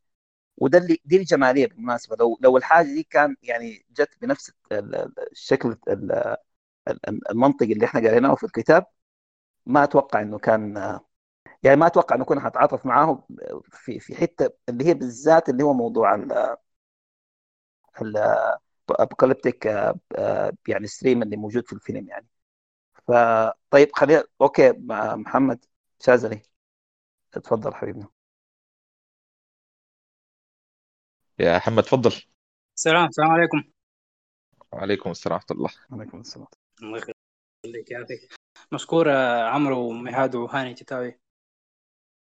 آه أنا كنت عايز أنا الفيلم بتاع مش مش The Witch الفيلم الثاني ده اسمه Annihilation. Annihilation Annihilation أيوه أنا حضرته. بس آه أنا عموما أفلام الرعب يعني أنا أنا يمكن أول مرة أحضر فيلم رعب في حياتي. عشان انت قلت لي احضر الفيلم ده. ف آه فحتى يعني ما يعني ما حقدر اتعمق في في, الكلام عن فيلم عن الرعب وعن الفيلم لأنه أنا ما فهمته 100% يعني صراحة. آم، بس في حاجة لفتت نظري يعني أكثر حاجة عجبتني في الفيلم ده قبل قبل شهور أيام يعني أيام حظر التجول وكورونا وكده فكان البرنامج هو عبارة عن أفلام ومسلسلات. فأنا كان كان فترة كده حضرت مسلسلات قصيرة. مسلسلات بتكون عشر حلقات ثمانية حلقات كده. فيمكن حضرت قريب 15 أو أو أو 20 مسلسل كده. ففي أكثر مسلسل اللي هو مسلسل عجبني اسمه آه اسمه Unbelievable. يلا أكثر حاجة يعني عجبتني في الفيلم ده إنه الفيلم ده البطولة كلها يعني بطولة نسائية.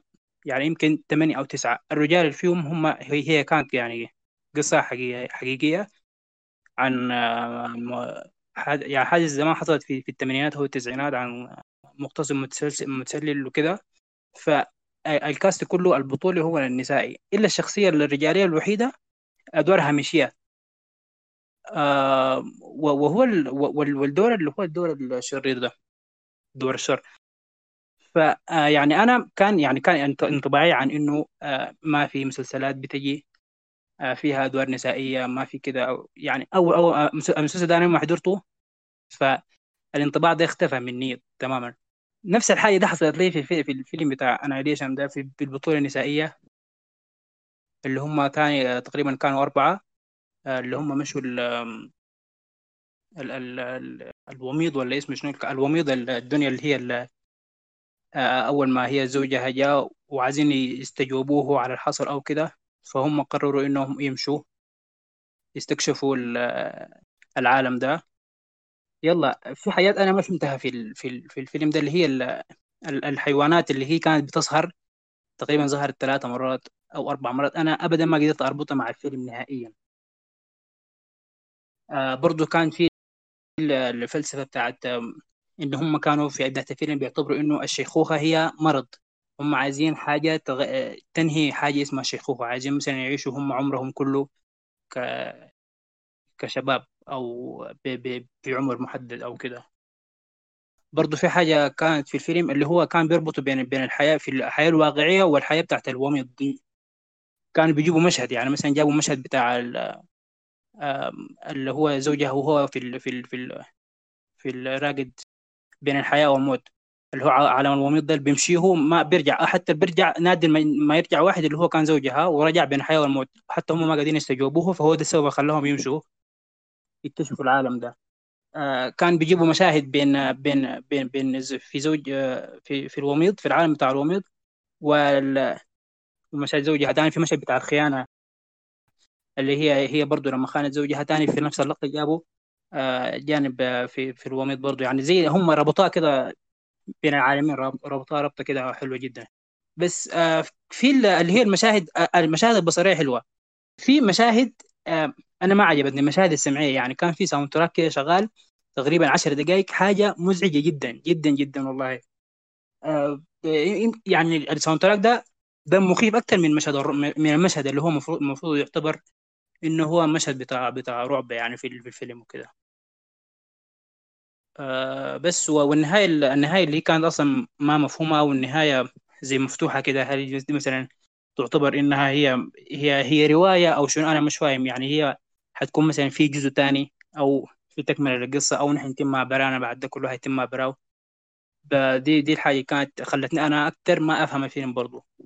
بس أنا لو لو للناس اللي حضروه إذا كان بس في تفسير بتاع المشهد بتاع الحيوانات ده آه يكون ما قصرته السلام عليكم.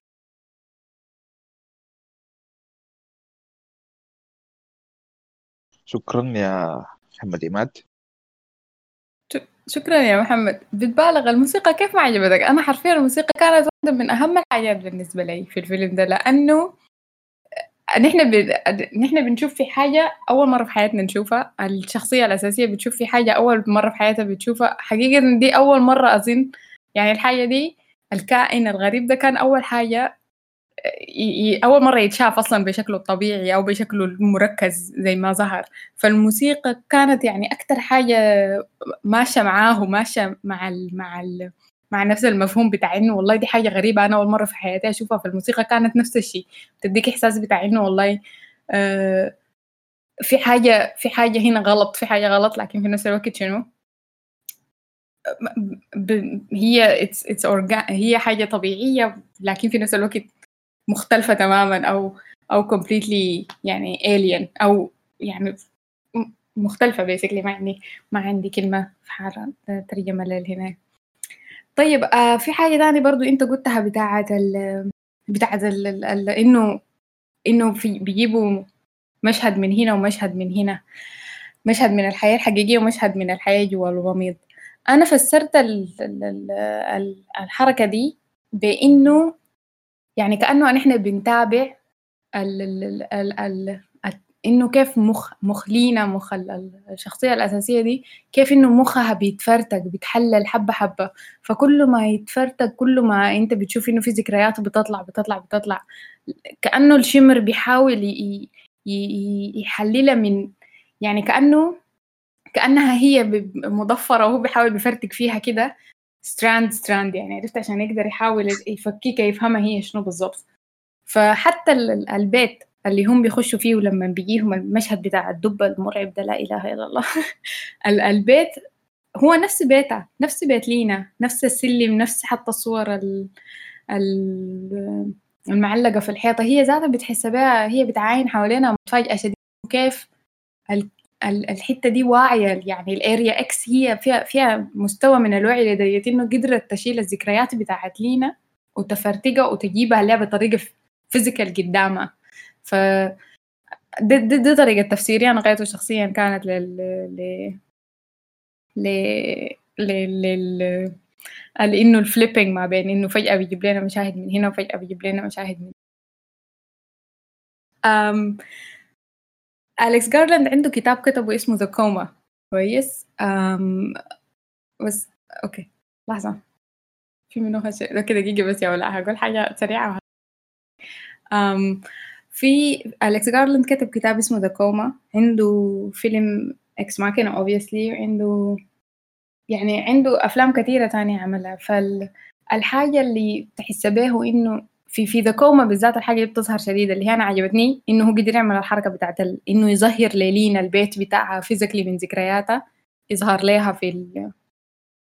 يعني ك ك ك يعني تجسيد فيزيائي محسوس ملموس لذكرياتها في في Area X في The Coma The Coma قصته إنه زول بيخش في كوما وهو بيحاول يرجع يرجع يرجع نفسه للوعي ف ف فكأنه هو غرقان يعني في ذكرياته في في في عمق آه، بعيد شديد وبيحاول يطلع كل مرة لفوق لفوق لفوق في ذكرياته لحد ما يصل في النهاية للباب اللي بيفتحه بيرجعه للوعي يعني.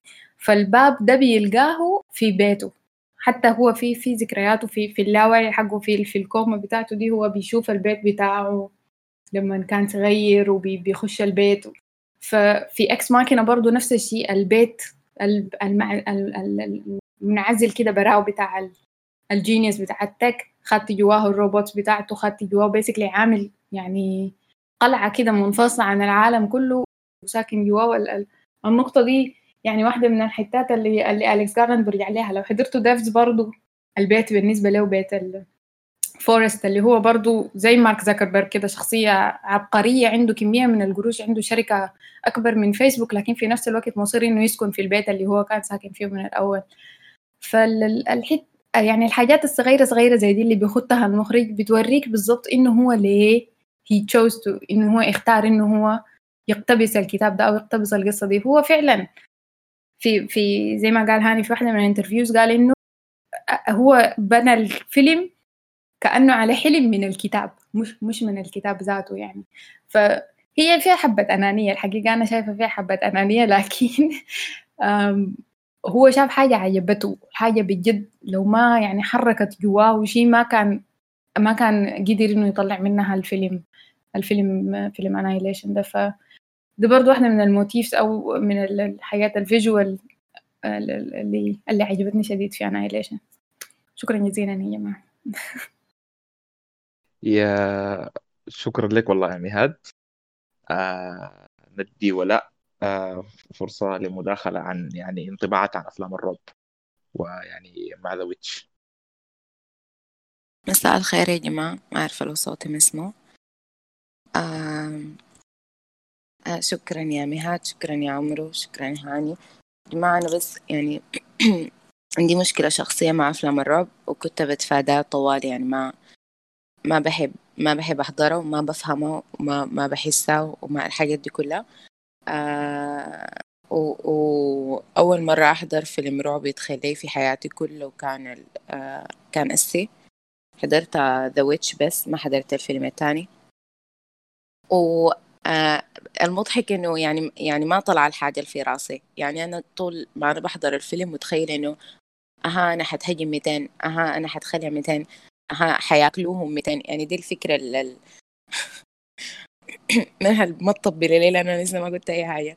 ف آه يعني الفكرة العامة اللي كانت عندي عن أفلام الرعب إنه إنه يا إما خلعة يا إما آه دم وقطيع وزي ما قال هاني شاورما والحاجات دي. ف فيعني بس يعني أنا مبسوطة إنه الفيلم وصل لي فكرة مختلفة تماما عن الحاجة اللي في راسي عن أفلام الرعب. غير كده أنا حضرت الفيلم ما مترجم يعني قدر ما حاولت ألقى له subtitles عربي ما لقيت وال subtitles ال English برضه ما لقيت فكان حاجة كده مبهمة شديد بالنسبة لي. لكن برضو قدرت أفهم فدي الحاجة الضابطة شديد إنه على قدر ما أنا كنت تايهة لكن كنت قادرة أفهم أو الفيلم سمها بيوديك يعني بالأحداث بتقدر تتخيلها وبتقدر تفهمها من دون ما الناس دي تتكلم which is يعني بيوريك الاسبكتس المختلفة بتاعت الرعب دي. ممكن تكون انت اللي ماشي بيها براسك بغض النظر عن الساقة كلام منه دي مداخلتي يا جماعة. شكرا لكم وإن شاء الله ما أكون هرطقت شديد يعني. آه شكرا لك يا ولاء والله يا أخي ما هو أنا نفس الكلام. أنا شخصيا ما بفضل أفلام الرعب على الإطلاق. ما ما ما ما الجنر الجنرا أو يعني نوعية الأفلام اللي بحبها. لكن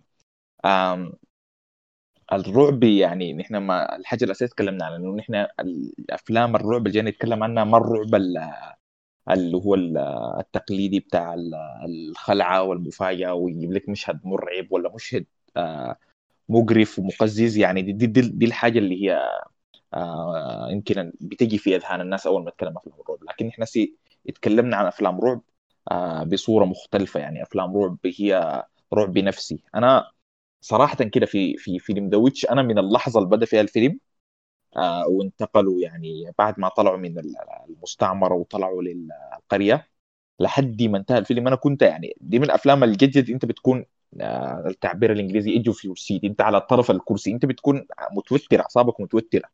بالذات العمل الماس كان الموسيقى في الفيلم كان يعني آه عمله عظيم جدا من ناحية الموسيقى.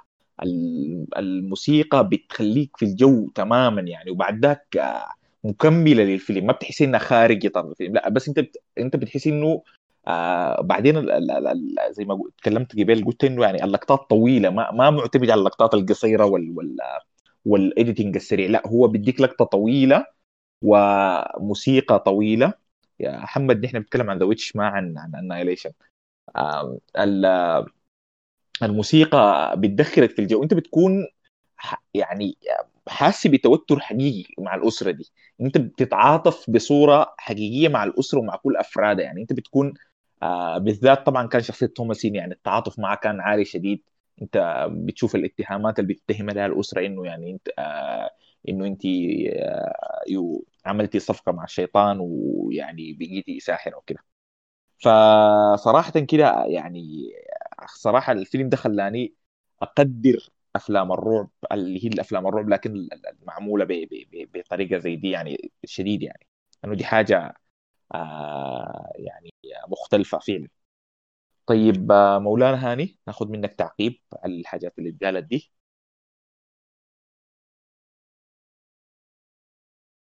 اعقب على إيه ولا إيه ولا إيه. طيب اولا يعني على أساس أنا ما أنسى. محمد شاذلي آه، مسلسل Unstoppable مش Unbelievable المسلسل جت فترة يعني أنا كنت بشبح له رسمي وشعبي أي زول يقول عايز أشوف مسلسل أقول له Unbelievable والناس اللي اللي ما شافت Unbelievable لحد هسه في حاجة كثيرة ناقصها يعني. يعني اولا يعني خلينا موضوع القصة ما القصة يعني التمثيل يا جماعة الأداء بتاعهم كان كان ست أوسكارات عديل لو هم أصلا ياخذوا أوسكارات المفروض مع إنه ما بياخذوا أوسكارات في المسلسلات. يعني توني كوليت وميريت ويبر يعني عملوا عملوا شغل من 60 لزينة. توني كوليت أصلا من النوع اللي انه إنه عادي ممكن يطلع مؤتمر صحفي الحمدوك بحضره عشان فيها توني كوليت يعني مؤتمر بتاع آه، تفكيك لجان الفساد. ما أعرف شنو ممكن أحضره عشان فيه توني كوليت يعني. فيعني دي دي دي ممثلة فائقة وكاملة يعني والكمال لله يعني. آه لا حول ولا قوة رجعت تاني الحتى يا يا نهاد. قولي قولي لا إله إلا الله. طيب الشيء الثاني اللي هو آه، موضوع ال music يا محمد شاذلي برضه عشان ما, ما ننسى. الفيلمين فيهم كان هو يعني الميزة في الفيلمين يا جماعة إنه هو يعني جاب لك حاجة يعني unorthodox يعني حاجة ما منطقية أصلا لما أنت تسمعه. يعني زود عادي ممكن كان كلهم ممكن يعملوا فيلم بتاعه دون دون دون دون دون والحاجات البيض دي يعني وهنا. لكنه كان عايز يحسسك بال existence وبال being بتاع بتاع, بتاع ال horror ذاته يعني. okay؟ فالحاجة دي أنا لقيت إنه إنه يعني سبيلبرغ مثلا في تقاطعات كثيرة ما بين سبيلبرغ و, وايجرز في في في في The Witch في ال music أخذ نفس الستايل اللي هو اللي هو اللي بيكون الماشي على choir اوبرالي كده وفجأة بيبقى بيبقى جوطه وصريخ يعني. عمل نفس الحاجة دي يعني عملها يعني ستانلي كوبريك كان في آه، ال Odyssey بتاعته. آه، في برضو الساحرة اللي اللي اللي, فجأة هي هي شابة أو قبل ما تكون شابة تقلب تلقى الزول المجلفطه المغضنه أبو 100 سنة دي زي ما عمله هو في هنا نفس الستايل كان في The Shining الناس اللي شافوا The Shining حيلقوا إنه في في واحدة ياها تقريبا ياها الساحرة دي يعني. آه، موضوع الرعب أرجع وأقول إحنا أكثر آه، genre اتهضمت للأسف يعني حقها اللي هو ده إنه بقى هو بقى الرعب عندنا الهجمة والخضة. وتطلع لك بستة teenagers ثلاثة بنات وثلاثة أولاد واحد منهم Asian واحد منهم أسود الأسود ده أول واحد يموت ويتقطعوا في بعض كلهم كده. بعدين لحد ما ينقرضوا يجي واحد يعرف إنه هو من المجرم يطلع واحد منهم صاحبهم. الكلام البيض يعني. وللأسف ده ما ده ما رعب يعني مع احترام يعني الناس اللي بتقبلوا ده موضوع يعني يعني رعب. الرعب ما لازم يعني هذا أنا بقوله ما لازم يكون بالليل ولازم ما لازم يكون قدام يعني كائنات خرافية مع في آه، بولانسكي عمل عمل واحدة من أجمل أفلام الرعب في التسعينات اللي هو The Ninth Gate بتاع جوني ديب الفيلم ده كله بالنهار بالمناسبة. لكن لكن فيلم مرعب يعني الفكرة هو ده أنا بقول لكم الفكرة وال premise بتاعه مرعب. سكورسيزي لما عمل Shutter Island هذا أنا بقول لك ال concept بتاع الفيلم بيتصمم زي ما إحنا قلنا إنه ان الدراما ممكن تقلب تراجيدي آه، ممكن تقلب كوميدي آه، هي ممكن ممكن يكون واحدة من معالجات إنه يكون مرعب. آه، يعني بالمناسبة دي في Inception لما جاء نولان لما بدأ بدأ يفكر في Inception كان فكرة إنه عايز يعمل فيلم رعب عن الأحلام يعني. الفيلم رعب ده مش هو والحاجات دي اللي هو زي ما قلت لكم ال concept إنه هو يكون إنه هو يكون مرعب. آه، نرجع ل... نرجع لل Annihilation آه، أنا أنا ليه بشوف ال Annihilation يعني يعني ب... من من من أكثر الأفلام الوجودية مع إنه هو فيلم بتاع خيال علمي. آه طيب آه شفتوا الكلام اللي قلناه في The Witch بالضبط؟ يعني ك ك character structure في الشخصيات وبالذات شخصية البطلة؟ وخوفهم من المجهول اللي هم قاعدين فيه إنه في عالم جديد وفي نفس الوقت خوفهم من تفسيرهم للعالم الجديد بناء على وجودهم. في نفس الوقت جواه الحلقة الأكبر اللي هو التفكك اللي هم قاعدين يحصل بيناتهم بناء على خطايا خطايا إنجيلية كانوا بيمروا فيها. بنفس المفهوم ده أوكي شيلوا توماسين بدلوها بشخصية ناتالي بورتمان في بعد بعد 2000 سنة. الفكرة شنو؟ ودي جهالة العالم إنه هو في إنه أنا لما أنا بقيت عصري أنا بقيت علمي أنا بقي عندي تولز أنا بقي ما أعرف شنو لكن أنت ما ناقش التكتح وهو ده ده, ده الفهم يعني. إنه هم بيمروا بنفس الأزمة الوجودية مع, الفرق اللي بيناتهم اللي هو عدى عدى الزمن ده. آه الحتة في شنو؟ بنفس المفهوم الدوائر الثلاثة. الدائرة الأولى بتخص الدائره الذاتيه بتاعت الوعي ال conscious ال dark down deep inside بالنسبة للشخصيات كلها الدائره الثانية يهو يهو shimmer ومفهوم الانقلاب اللي حاصل فيه الدائره الثالثه ودي اهم دائره بيخليك تعاين الفيلم هل هو انتهى ولا ما انتهى اللي هو اللي هو ال apocalyptic theme نهايه العالم آه، في ما أعرف. ما في غير لحد الآن يعني ما في غير اثنين filmmakers أنا بعتبرهم يعني قدروا نهاية العالم أو ادونا فيها صورة غير الصورة المعهودة. آه، عمك آه، جورج ميلر لما عمل عمل Mad Max Fury لما الناس كلها في في في في الأفلام اللي في الحقبة ديك لازم تكون ألوانها دابلة وظلامية وأسود ابيض وزفت الطين. هو لا لونها لك يا أخي ألوان بتنطق. وخلاك تشوف النار كأنك ليك 200 سنة ما شفت نار زي الناس. وخلاك تشوف الخضرة كأنك ليك 200 سنة شفت ما خضرة. كأنه يعني الفكرة دي. وكان أنا عجبني فيه جدا لما أنا لما بعد ما شفت الفيلم يعني ما توقع أنا بقول ليه ليه الفيلم ده غير؟ كان بيقول كده تخيلوا. بيقول أنا عامل الفيلم ده مخصوص عشان الناس اللي حيشوفوه بعدين لما فعلا لما فعلا نكون وصلنا للابوكاليبس أوكي؟ إنه يشوفوا الفيلم ده وبيتذكروا إن إحنا متذكرين الناس. بنفس المفهوم جارنر خلى لنا مفهوم الفناء اللي هو فناء العالم ونهايته ما جابوا بالشكل المأساوي الناس اللي هم متخيلينه يعني. وده يا جماعة لحد كبير جدا متماشي مع مع الفهم ال ال ال الأصول الإسلامي في نهاية العالم يعني. يعني يعني في نهاية العالم إن اللهم صل وسلم بيقول لتقومن الساعة. ويعني الزول ده قاعد قاعد يعني بيلوط في في في حوض يعني. هو قاعد قاعد يجرف في الحوض بتاعته okay؟ والساعة بتقوم okay؟ يعني ما حيجي انفجار ما نووي وما والناس ما عايشة. الناس عايشة وماشية في حياتها لكن الدنيا حتنتهي. آه ده تقومن الساعة بيقول لك إنه الزول قاعد يبيع بيسلم القماش عشان داير ياخذ القروش ويديه الباقي والدنيا بتقوم عليهم. بنفس المفهوم ده جارنر كان يعني أكثر أكثر مفهوم شايك كان بيقتل الإنسان على فكرة مما يتولد اللي هو مفهوم نهايته. موته. وفي نفس الوقت بيربط يعني بيكون في في في تشخيص أو تطهير ما بين نهايته هو كبني آدم ونهاية الكون. عشان كده نهاية الكون دائما بتكون سوداوية كئيبة في في كثير من الضلنس وكده. جارنر قال لك يا أخي؟ الدنيا دي حتنتهي لكن حيكون فيها نوع من الجمال كده أوكي؟ ما خطر فيها على قلب بشر. يعني أنا ما بتكلم عن إنه إنه حنحصل إنه حيجينا الشمر لا. أنا بقول لك عن الفكرة دي اللي هي بتعتبر مرعبة لكن مرعبة من جمالها يعني مش مش مرعبة عشان هي بتخوف بس. فخلونا نمشي على الثلاث دوائر دي على أساس أنا والله ما بحب أحرق أفلام لكن الفيلم ده لازم يتحرق بس حتشوفوه ثاني عشان عشان تعرفوا ان الفيلم ده انتهى يعني يعني انتهى وجارنر يعني عزانا ذاته وشكرا جارنر وشكرا حمدوك. بداية لما إحنا ناخذ الشخصيات الرئيسية آه، نبدأ نبدأ من من الدائرة الأساسية اللي جواتهم اللي هي النزعة. النزعة هو يعني الفيلم بيقول لك شنو؟ وبرضه هم حريم يعني. هو بيقول لك طيب نساء عفوا آه، انه إنه آه، نساء يعني آه، هنا مستقلات وعالمات برضو عشان الناس ما ما تتحسس.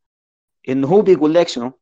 هو بيقول لك انه إنه زي أوكي زي ما قال عمرو. إنه الخلايا الخلايا السرطانية من ما في بتقلب شفرتها الوراثية وبتبقى وبتبقى الخلايا الطبيعية بتتقلب إلى سرطانيه كده من ما في. ما, في على فكرة ما حد الآن يعني هون إحنا مش علم وما عارف شنو مقطعينها لحد الآن ما في ولا submission بتاع دراسة عشان هم يفهموا الحاجة دي أصلا قاعدة تجي من شنو أوكي؟ إضافة لكده اللي هو مفهوم فناء العالم وأهم حاجة ربطهم في في الاثنين دول بالدائرة الداخلية في مفهوم التدمير الذاتي اللي قالت عليها الدكتورة اسمه يا أخي. آه فنترس آه، إنه إنه الإنسان مع مع قابليته للحياة أوكي؟ مع قابليته للحياة آه، ورغبته يعني الصارخة فيه بتكون عنده زي زي مفهوم الخلايا السرطانية بيكون عنده زر بتاع تدمير ذاتي ممكن يضغطوا في أي وقت. ومجرد ما بيضغطوا بيقلب فيه موضوع الخلايا السرطانية. يلا خلينا الحين نفسر الفيلم يا جماعة من فيلم انه هو بتاع خيال علمي أو فيلم علمي يعني. الميزة في في في جارنر إنه أخذ نفس ال يعني أخذ ال premising على انه هو فيلم علمي فيلم منطقي بيتقدم لنا بواحد زائد واحد يساوي اثنين. عشان كده دي كلهم علماء أوكي؟ بيحاولوا إن هم يفسروا. زي ما الجماعة في The Witch كانوا بيحاولوا يفسروا اللي قاعد يحصل لهم من موضوع الله والشيطان بالضديه دي, دي لا. إنه دي ظواهر علمية أنا أنا بفسرها بوضعية منطقية آه، علمية معمليه فزه أوكي؟ أول مشهد ده اللي بي يعني ده ده ده بداية ال premise بتاعه اللي هي الخلايا بتاعت آه، هيلا اللي كانت لما هي كانت بتلقي في المحاضرة. نتالي بورتمان كانت تتكلم عنه. هيلا دي بالمناسبة دي, دي خلايا بيسموها بين قوسين خلايا خالدة.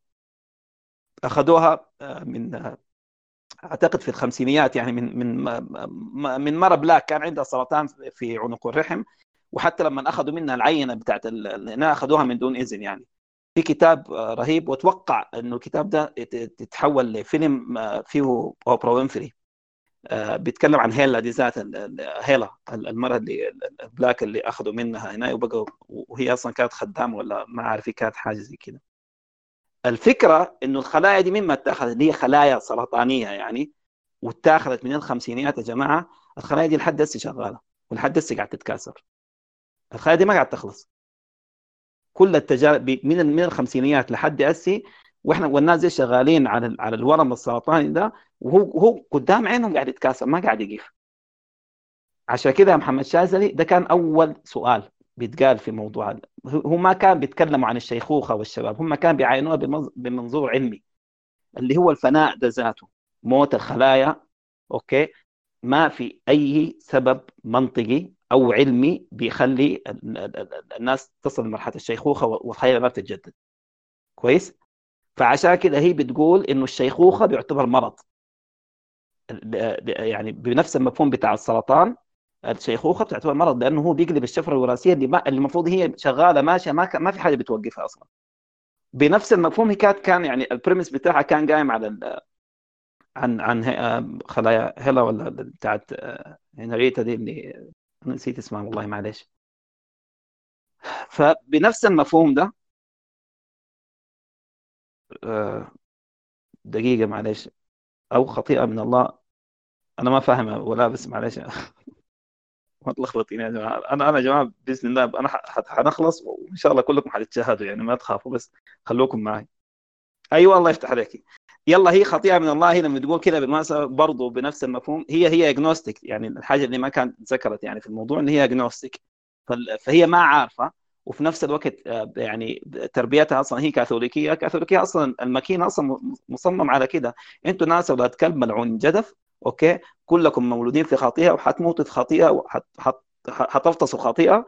آه، ربنا مرسل استغفر الله العظيم على أساس إنه يكفر عن الخطايا دي اؤمنوا به وخلاص وخشينا في مملكة السماء. فهو عشان كده مفهوم الضدية دي إن هي بتقول إن هو إن هو يعني خطيئة من الله. هو هو يعني ده مفهوم تفسير علمي يا جماعة. نرجع ونقول إن هو تفسير تفسير علمي. moving on عشان ما نطول في في في في الموضوع. آه، يلا خلينا ناخذ بعد كده النزعات بتاع التدمير الذاتي. هنا هنا بنتكلم عن حاجة هو عبارة عن psycho thriller يا جماعة. يعني يعني يعني يعني من جوا خالص كل واحدة من الشخصيات من العالمات ديل العالمات طيب مش العالمات. إنه إنه كل واحدة من الشخصيات ديل عندها trigger بتاع تدمير ذاتي باين فيهم من حياتها. آه، تأخذها بداية كان أول واحدة ماتت اظنها كاس. دقيقه أكتب شوف أيوه اسمها. كاس شيبرد اللي هي كانت بتاعت ال morphology. أوكي؟ زول خبيرة بتاعت magnetics يعني. آه، كان البوصلة بتاعت مغناطيسيتها كلها ضربت لما بنتها اللي كانت ماتت باللوكيميا. مما بت... هو كان يعني هو نسميه مركبة متلازمه بتاعت فقد. مما ماتت آه، بنتها هي حاسة إن هي void إن هي حتموت يعني. أو أو عفوا هي ما م... هي ما حية أصلا إنه هي ما ما ما قادرة تكمل حياتها أصلا من دون من دونها. أوكي؟ آه عندك ال medical اللي هي كان اللي مثلتها رودريغيز آه آنيا آه، اللي أصلا هي كانت آه، يعني بان في الفيلم هي أصلا كانت كحولية وإن هي تعافت من الحاجة دي. وبعدين لما جينا وصلنا للمرحلة اللي هي خشوا فيها البيت قبل ما يطلع ال bear ال bear ال bear الدب عرفنا إنه أصلا كان سبب الكحول بتاعها يعني أو أو أو أو إن هي كانت كحولية بسبب إنه هي كانت مفخخة بالبارانويا يعني. فعندك واحد آه، أزمة بتاعت فقد وعندك آه، واحد آه، يعني paranoia trigger وعندك ال physicians اللي هي جوزي ودي دي دي يا أخي موتتها دي يا أخي دي ألذ موت غايته. اللي هي باين إن هي كانت نزعتها انتحارية خالص مقطع يداتها وكم مرة يعني. وهي ما كانت قاعد تحاول يعني هي ما كانت suicidal عشان دايرة تموت. هي كانت suicidal على أساس إنه إنه إنه محاولتها للموت أو ال near to death experience مع إنه هو ما يعتبر من near to death experience لكن هي هي بتحاول إن هي تمشي في الهامش بتاع الموت ده عشان الحياة آه، تظهر لها ب ب ب بشكل أعمق. يعني أنا أنا ما أنا ما قاعد أقول إن هي انتحارية لو انتحارية كان ماتت من زمان هي ما انتحارية هي بتهبج في الحتة دي أوكي؟ على أساس هي هي عايزة تحس بالحياة من خلال مقاربتها للموت يعني. هنجي بعد كده في ال في ال في ال في العاقبة بالنسبة لهم. باقي منه فينترس دي دي المعلمة بالمناسبة. ويعني يعني جينيفر يعني بصراحة من أحلى أدوارها اللي عملتها يعني كان في لما بقت فينترس يعني. اللي هي ال psychologist زي ما قالت آه، مهاد إنه هي كان عندها المفروض يكون عندها safe word على أساس إنه يطلع من موضوع ال trigger بتاع بتاع ال obsession بتاع ال shimmer. لكن هم يعني من احد الحاجات اللي عجبتني إنه إنه إنه جارلاند غض الطرف عن الحاجة دي وخلاها هي قائدة للفريق لكن فاهمة المآل اللي هم ممكن يوصل له لكن هي في النهاية بقى عندها ال ultimate goal يعني عندها جول أبعد من الناس زي كلهم. آه، شخصيه ناتالي بورتمان آه، كانت عايزة آه، تمشي لنهاية أو قلب ال shimmer على أساس إنه هو نوع من القصاص أو أو ال vengeance لراجلها. يعني هو نوع إنه هي دايره دايره تسأل لراجلها وتنتهي من من آه، بينما بينما بينما آه، جينيفر وهو دكتور فنترس كانت بالعكس هي اللي ما أخذت الطيف كله لحد اخره لحد أعمق حتة فيها إنه هي كانت دايرة تمشي ما ما دائما السايك السايك يعني السايك الشرينكس يعني أو ال psychiatrist بيعملوا شنو هم ما هي فكرتهم انهم بيغوصوا جوا أعماق النفس البشرية عشان عشان يلقى المفاتيح اللي بتكون ضايعة على على الزول المريض أو المصاب بالخلل. فهي عايزة تصل لأعمق حتة في في في الوميض عشان دايره تصل لأعمق حتة في المعاناة الإنسانية ولأعمق حتة في مفهومها وتصورها عن الكون ذاته. وإنه الكون زي ما قلنا في جبال إنه الكون يعني في بالمفهومين في الفيلمين ديل مبني على جزء من الفلسفة المنوية اللي هو بيتكلم عن الشر إنه الشر في النهاية حينتصر. أو خلينا نقول الفناء إنه هو حينتصر آه، في النهاية. اذا فينترس في الحتة دي بقت عاملة زي آه، عاملة زي حصان طروادة. إنه إنه هي ما ما زي آه، لينا دايره تمشي هنا عشان تشوف راجلها حصل له شنو وتنتهي من الموضوع ده لا. إنه هي عايز هي الوحيدة اللي بقى عندها خلينا نقول آه، ما بقى عندها تناقض مع تصورها العلمي آه، وعايزه تصل الحتة دي لحد نهايته. ده فينترس بالذات هي اللي بتمثل القربان اللي هو نفسه كان عند توماسين في في The في The Witch. طيب. اخذنا أخذنا ال triggers حاليا إحنا في الدائرة اللي جوا. لاحظوا إنه الفكرة هذه الفكرة بتاعت الموضوع إنه فكرة الإبادة أو أو الموت أو أو الاضمحلال أو الحاجة دي ما بتجي إلا من إرادة. آه، ففي الإرادة دي كل واحد منهم مات بشكل خلينا نقول متماهي مع مع تصوره أو نزعته الداخلية بتاعت بتاعت التدمير الذاتي يعني. كويس؟ آه،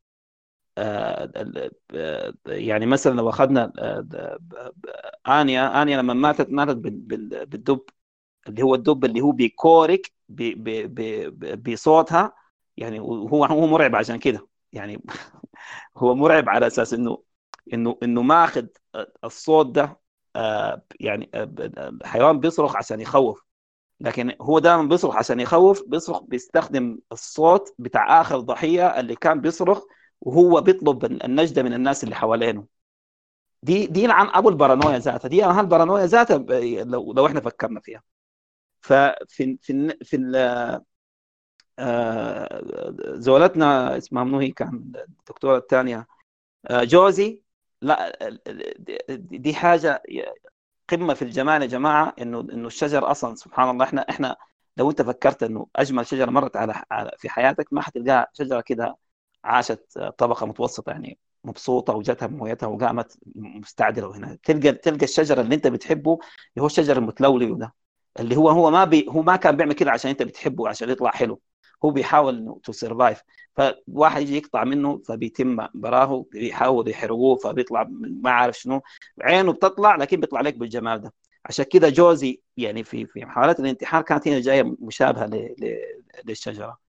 فينترس اللي هي كانت عايز تصل لحد اعمق آه، نقطة وذرة عشان تبقى القربان. وبقت آه، هنا هي وبقت وبقت هي نفس القربان. وهكذا ذلك okay؟ النزعة بتاعت آه، بتاعت بتاعت لينا كان هو ال carrier الأساسي في مفهوم العلاقات يعني في في الفيلم يعني. يعني هي الوحيدة اللي إحنا شفنا ال back story بتاعها. كويس؟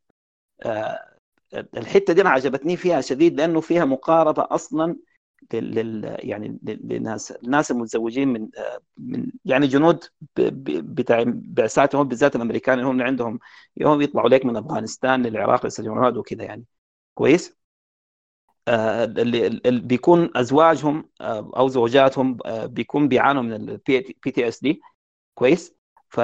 فهنا هنا الموضوع أنا أنا إلى أي مدى أنا حكون يعني وفي ومتجانس مع الشخصية دي مع إنه الشخصية دي ذاتها انقلبت على على على ذاتها.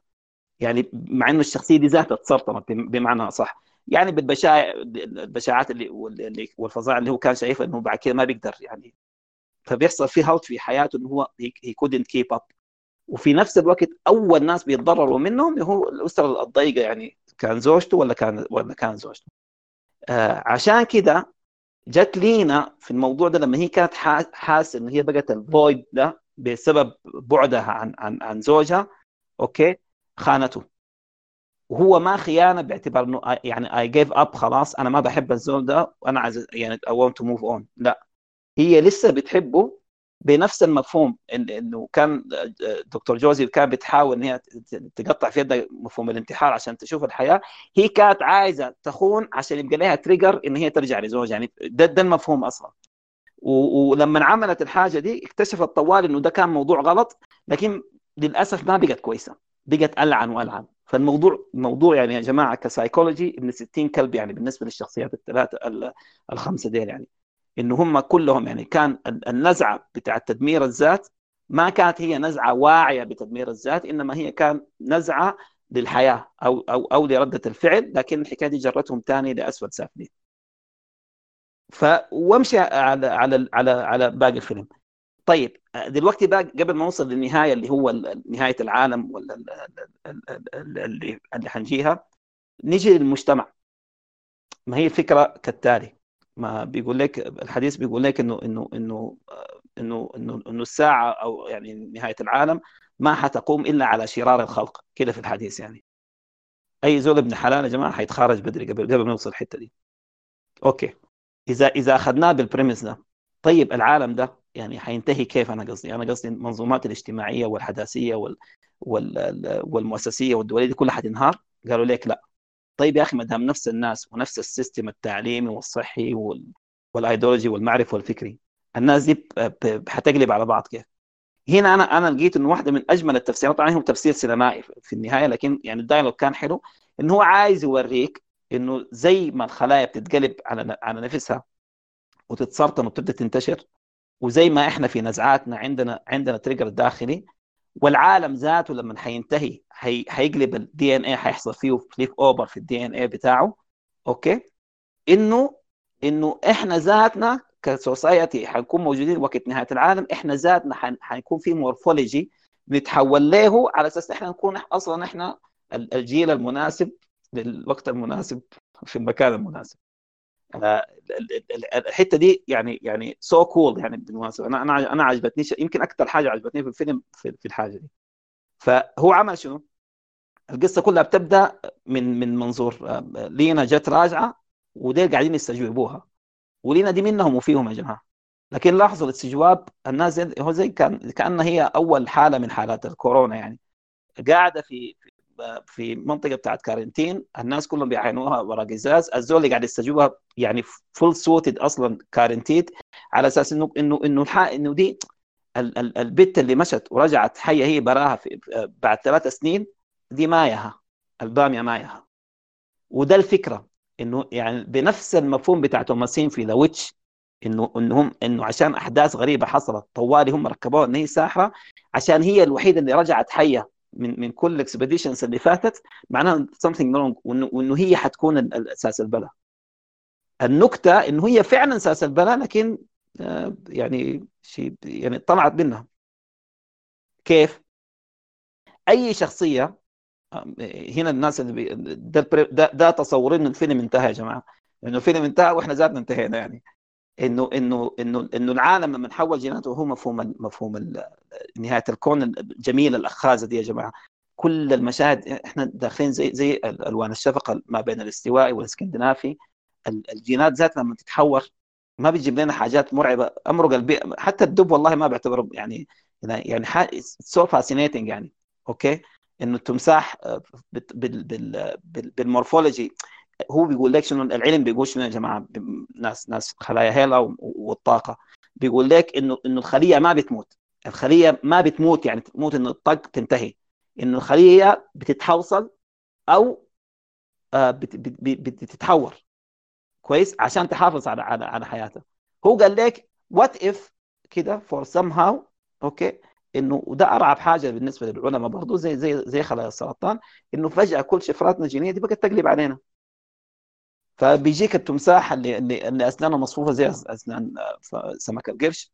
بيجيك الشجر اللي هو الشجر في في اللي هو بيسموه السوليد جيم ماب يعني إنه هو ما بيقوم على شجر انما بيقوم على حياه إنسان. وهكذا ولكن تشوف الحياة دي اللي هي أيوه كفكرة مرعبة لكن جاردنر يا جماعة كان بيجيبها لكم بأجمل آه، حاجة ممكن تتخيلها عن نفسك. okay.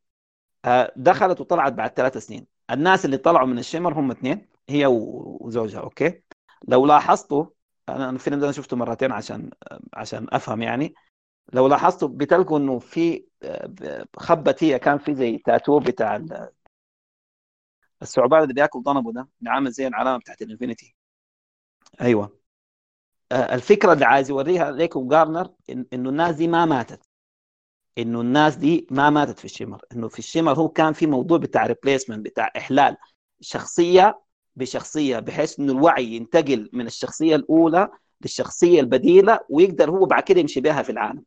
لكن إنه الصعوبة في مفهوم انتقال الوعي ده إنه لازم يكون ناس عندهم نزعة التدمير الذاتية إلى أقصاها إنه هو يقدر يتقبل وعيه في في في في في في في body ثاني this is this is يعني the whole point من من من الفيلم ذاته. إن هم عايزين يعملوا لنا النواة الأساسية بتاعت بتاعت الجيل أو الجنريشن اللي بيكون عايش العالم هو بينتهي. اللي هو ما ما حسميه لا أخلاقي لكن بيكون أخلاقياته غير. يعني يعني ما حتكون يعني هي بتكون من النوع اللي حتكتئب على أساس موضوع الخيانة. ما زول اللي اللي اللي اللي اللي, اللي حتكتئب عشان مات بنتها ما زول اللي بتكتئب عشان هي ما فاهمة حياتها. لا هو عايز يطلع الجنريشن الثاني فالفكرة في الموضوع حاولوا مع منو؟ حاولوا مع الناس كلهم. ما طلع فيها إلا راجلها إسحاق آيزك. ولكن إسحاق آيزك لما رجع ثاني لهنا آه، لسه كان جيناته تتقلب عليه. وهو جت المشاهد تحت القاطنج لما فتحوا بطن الواحد ولقوا إنه حتى الامعاء ماشي ماشي على حتة ثانية. okay؟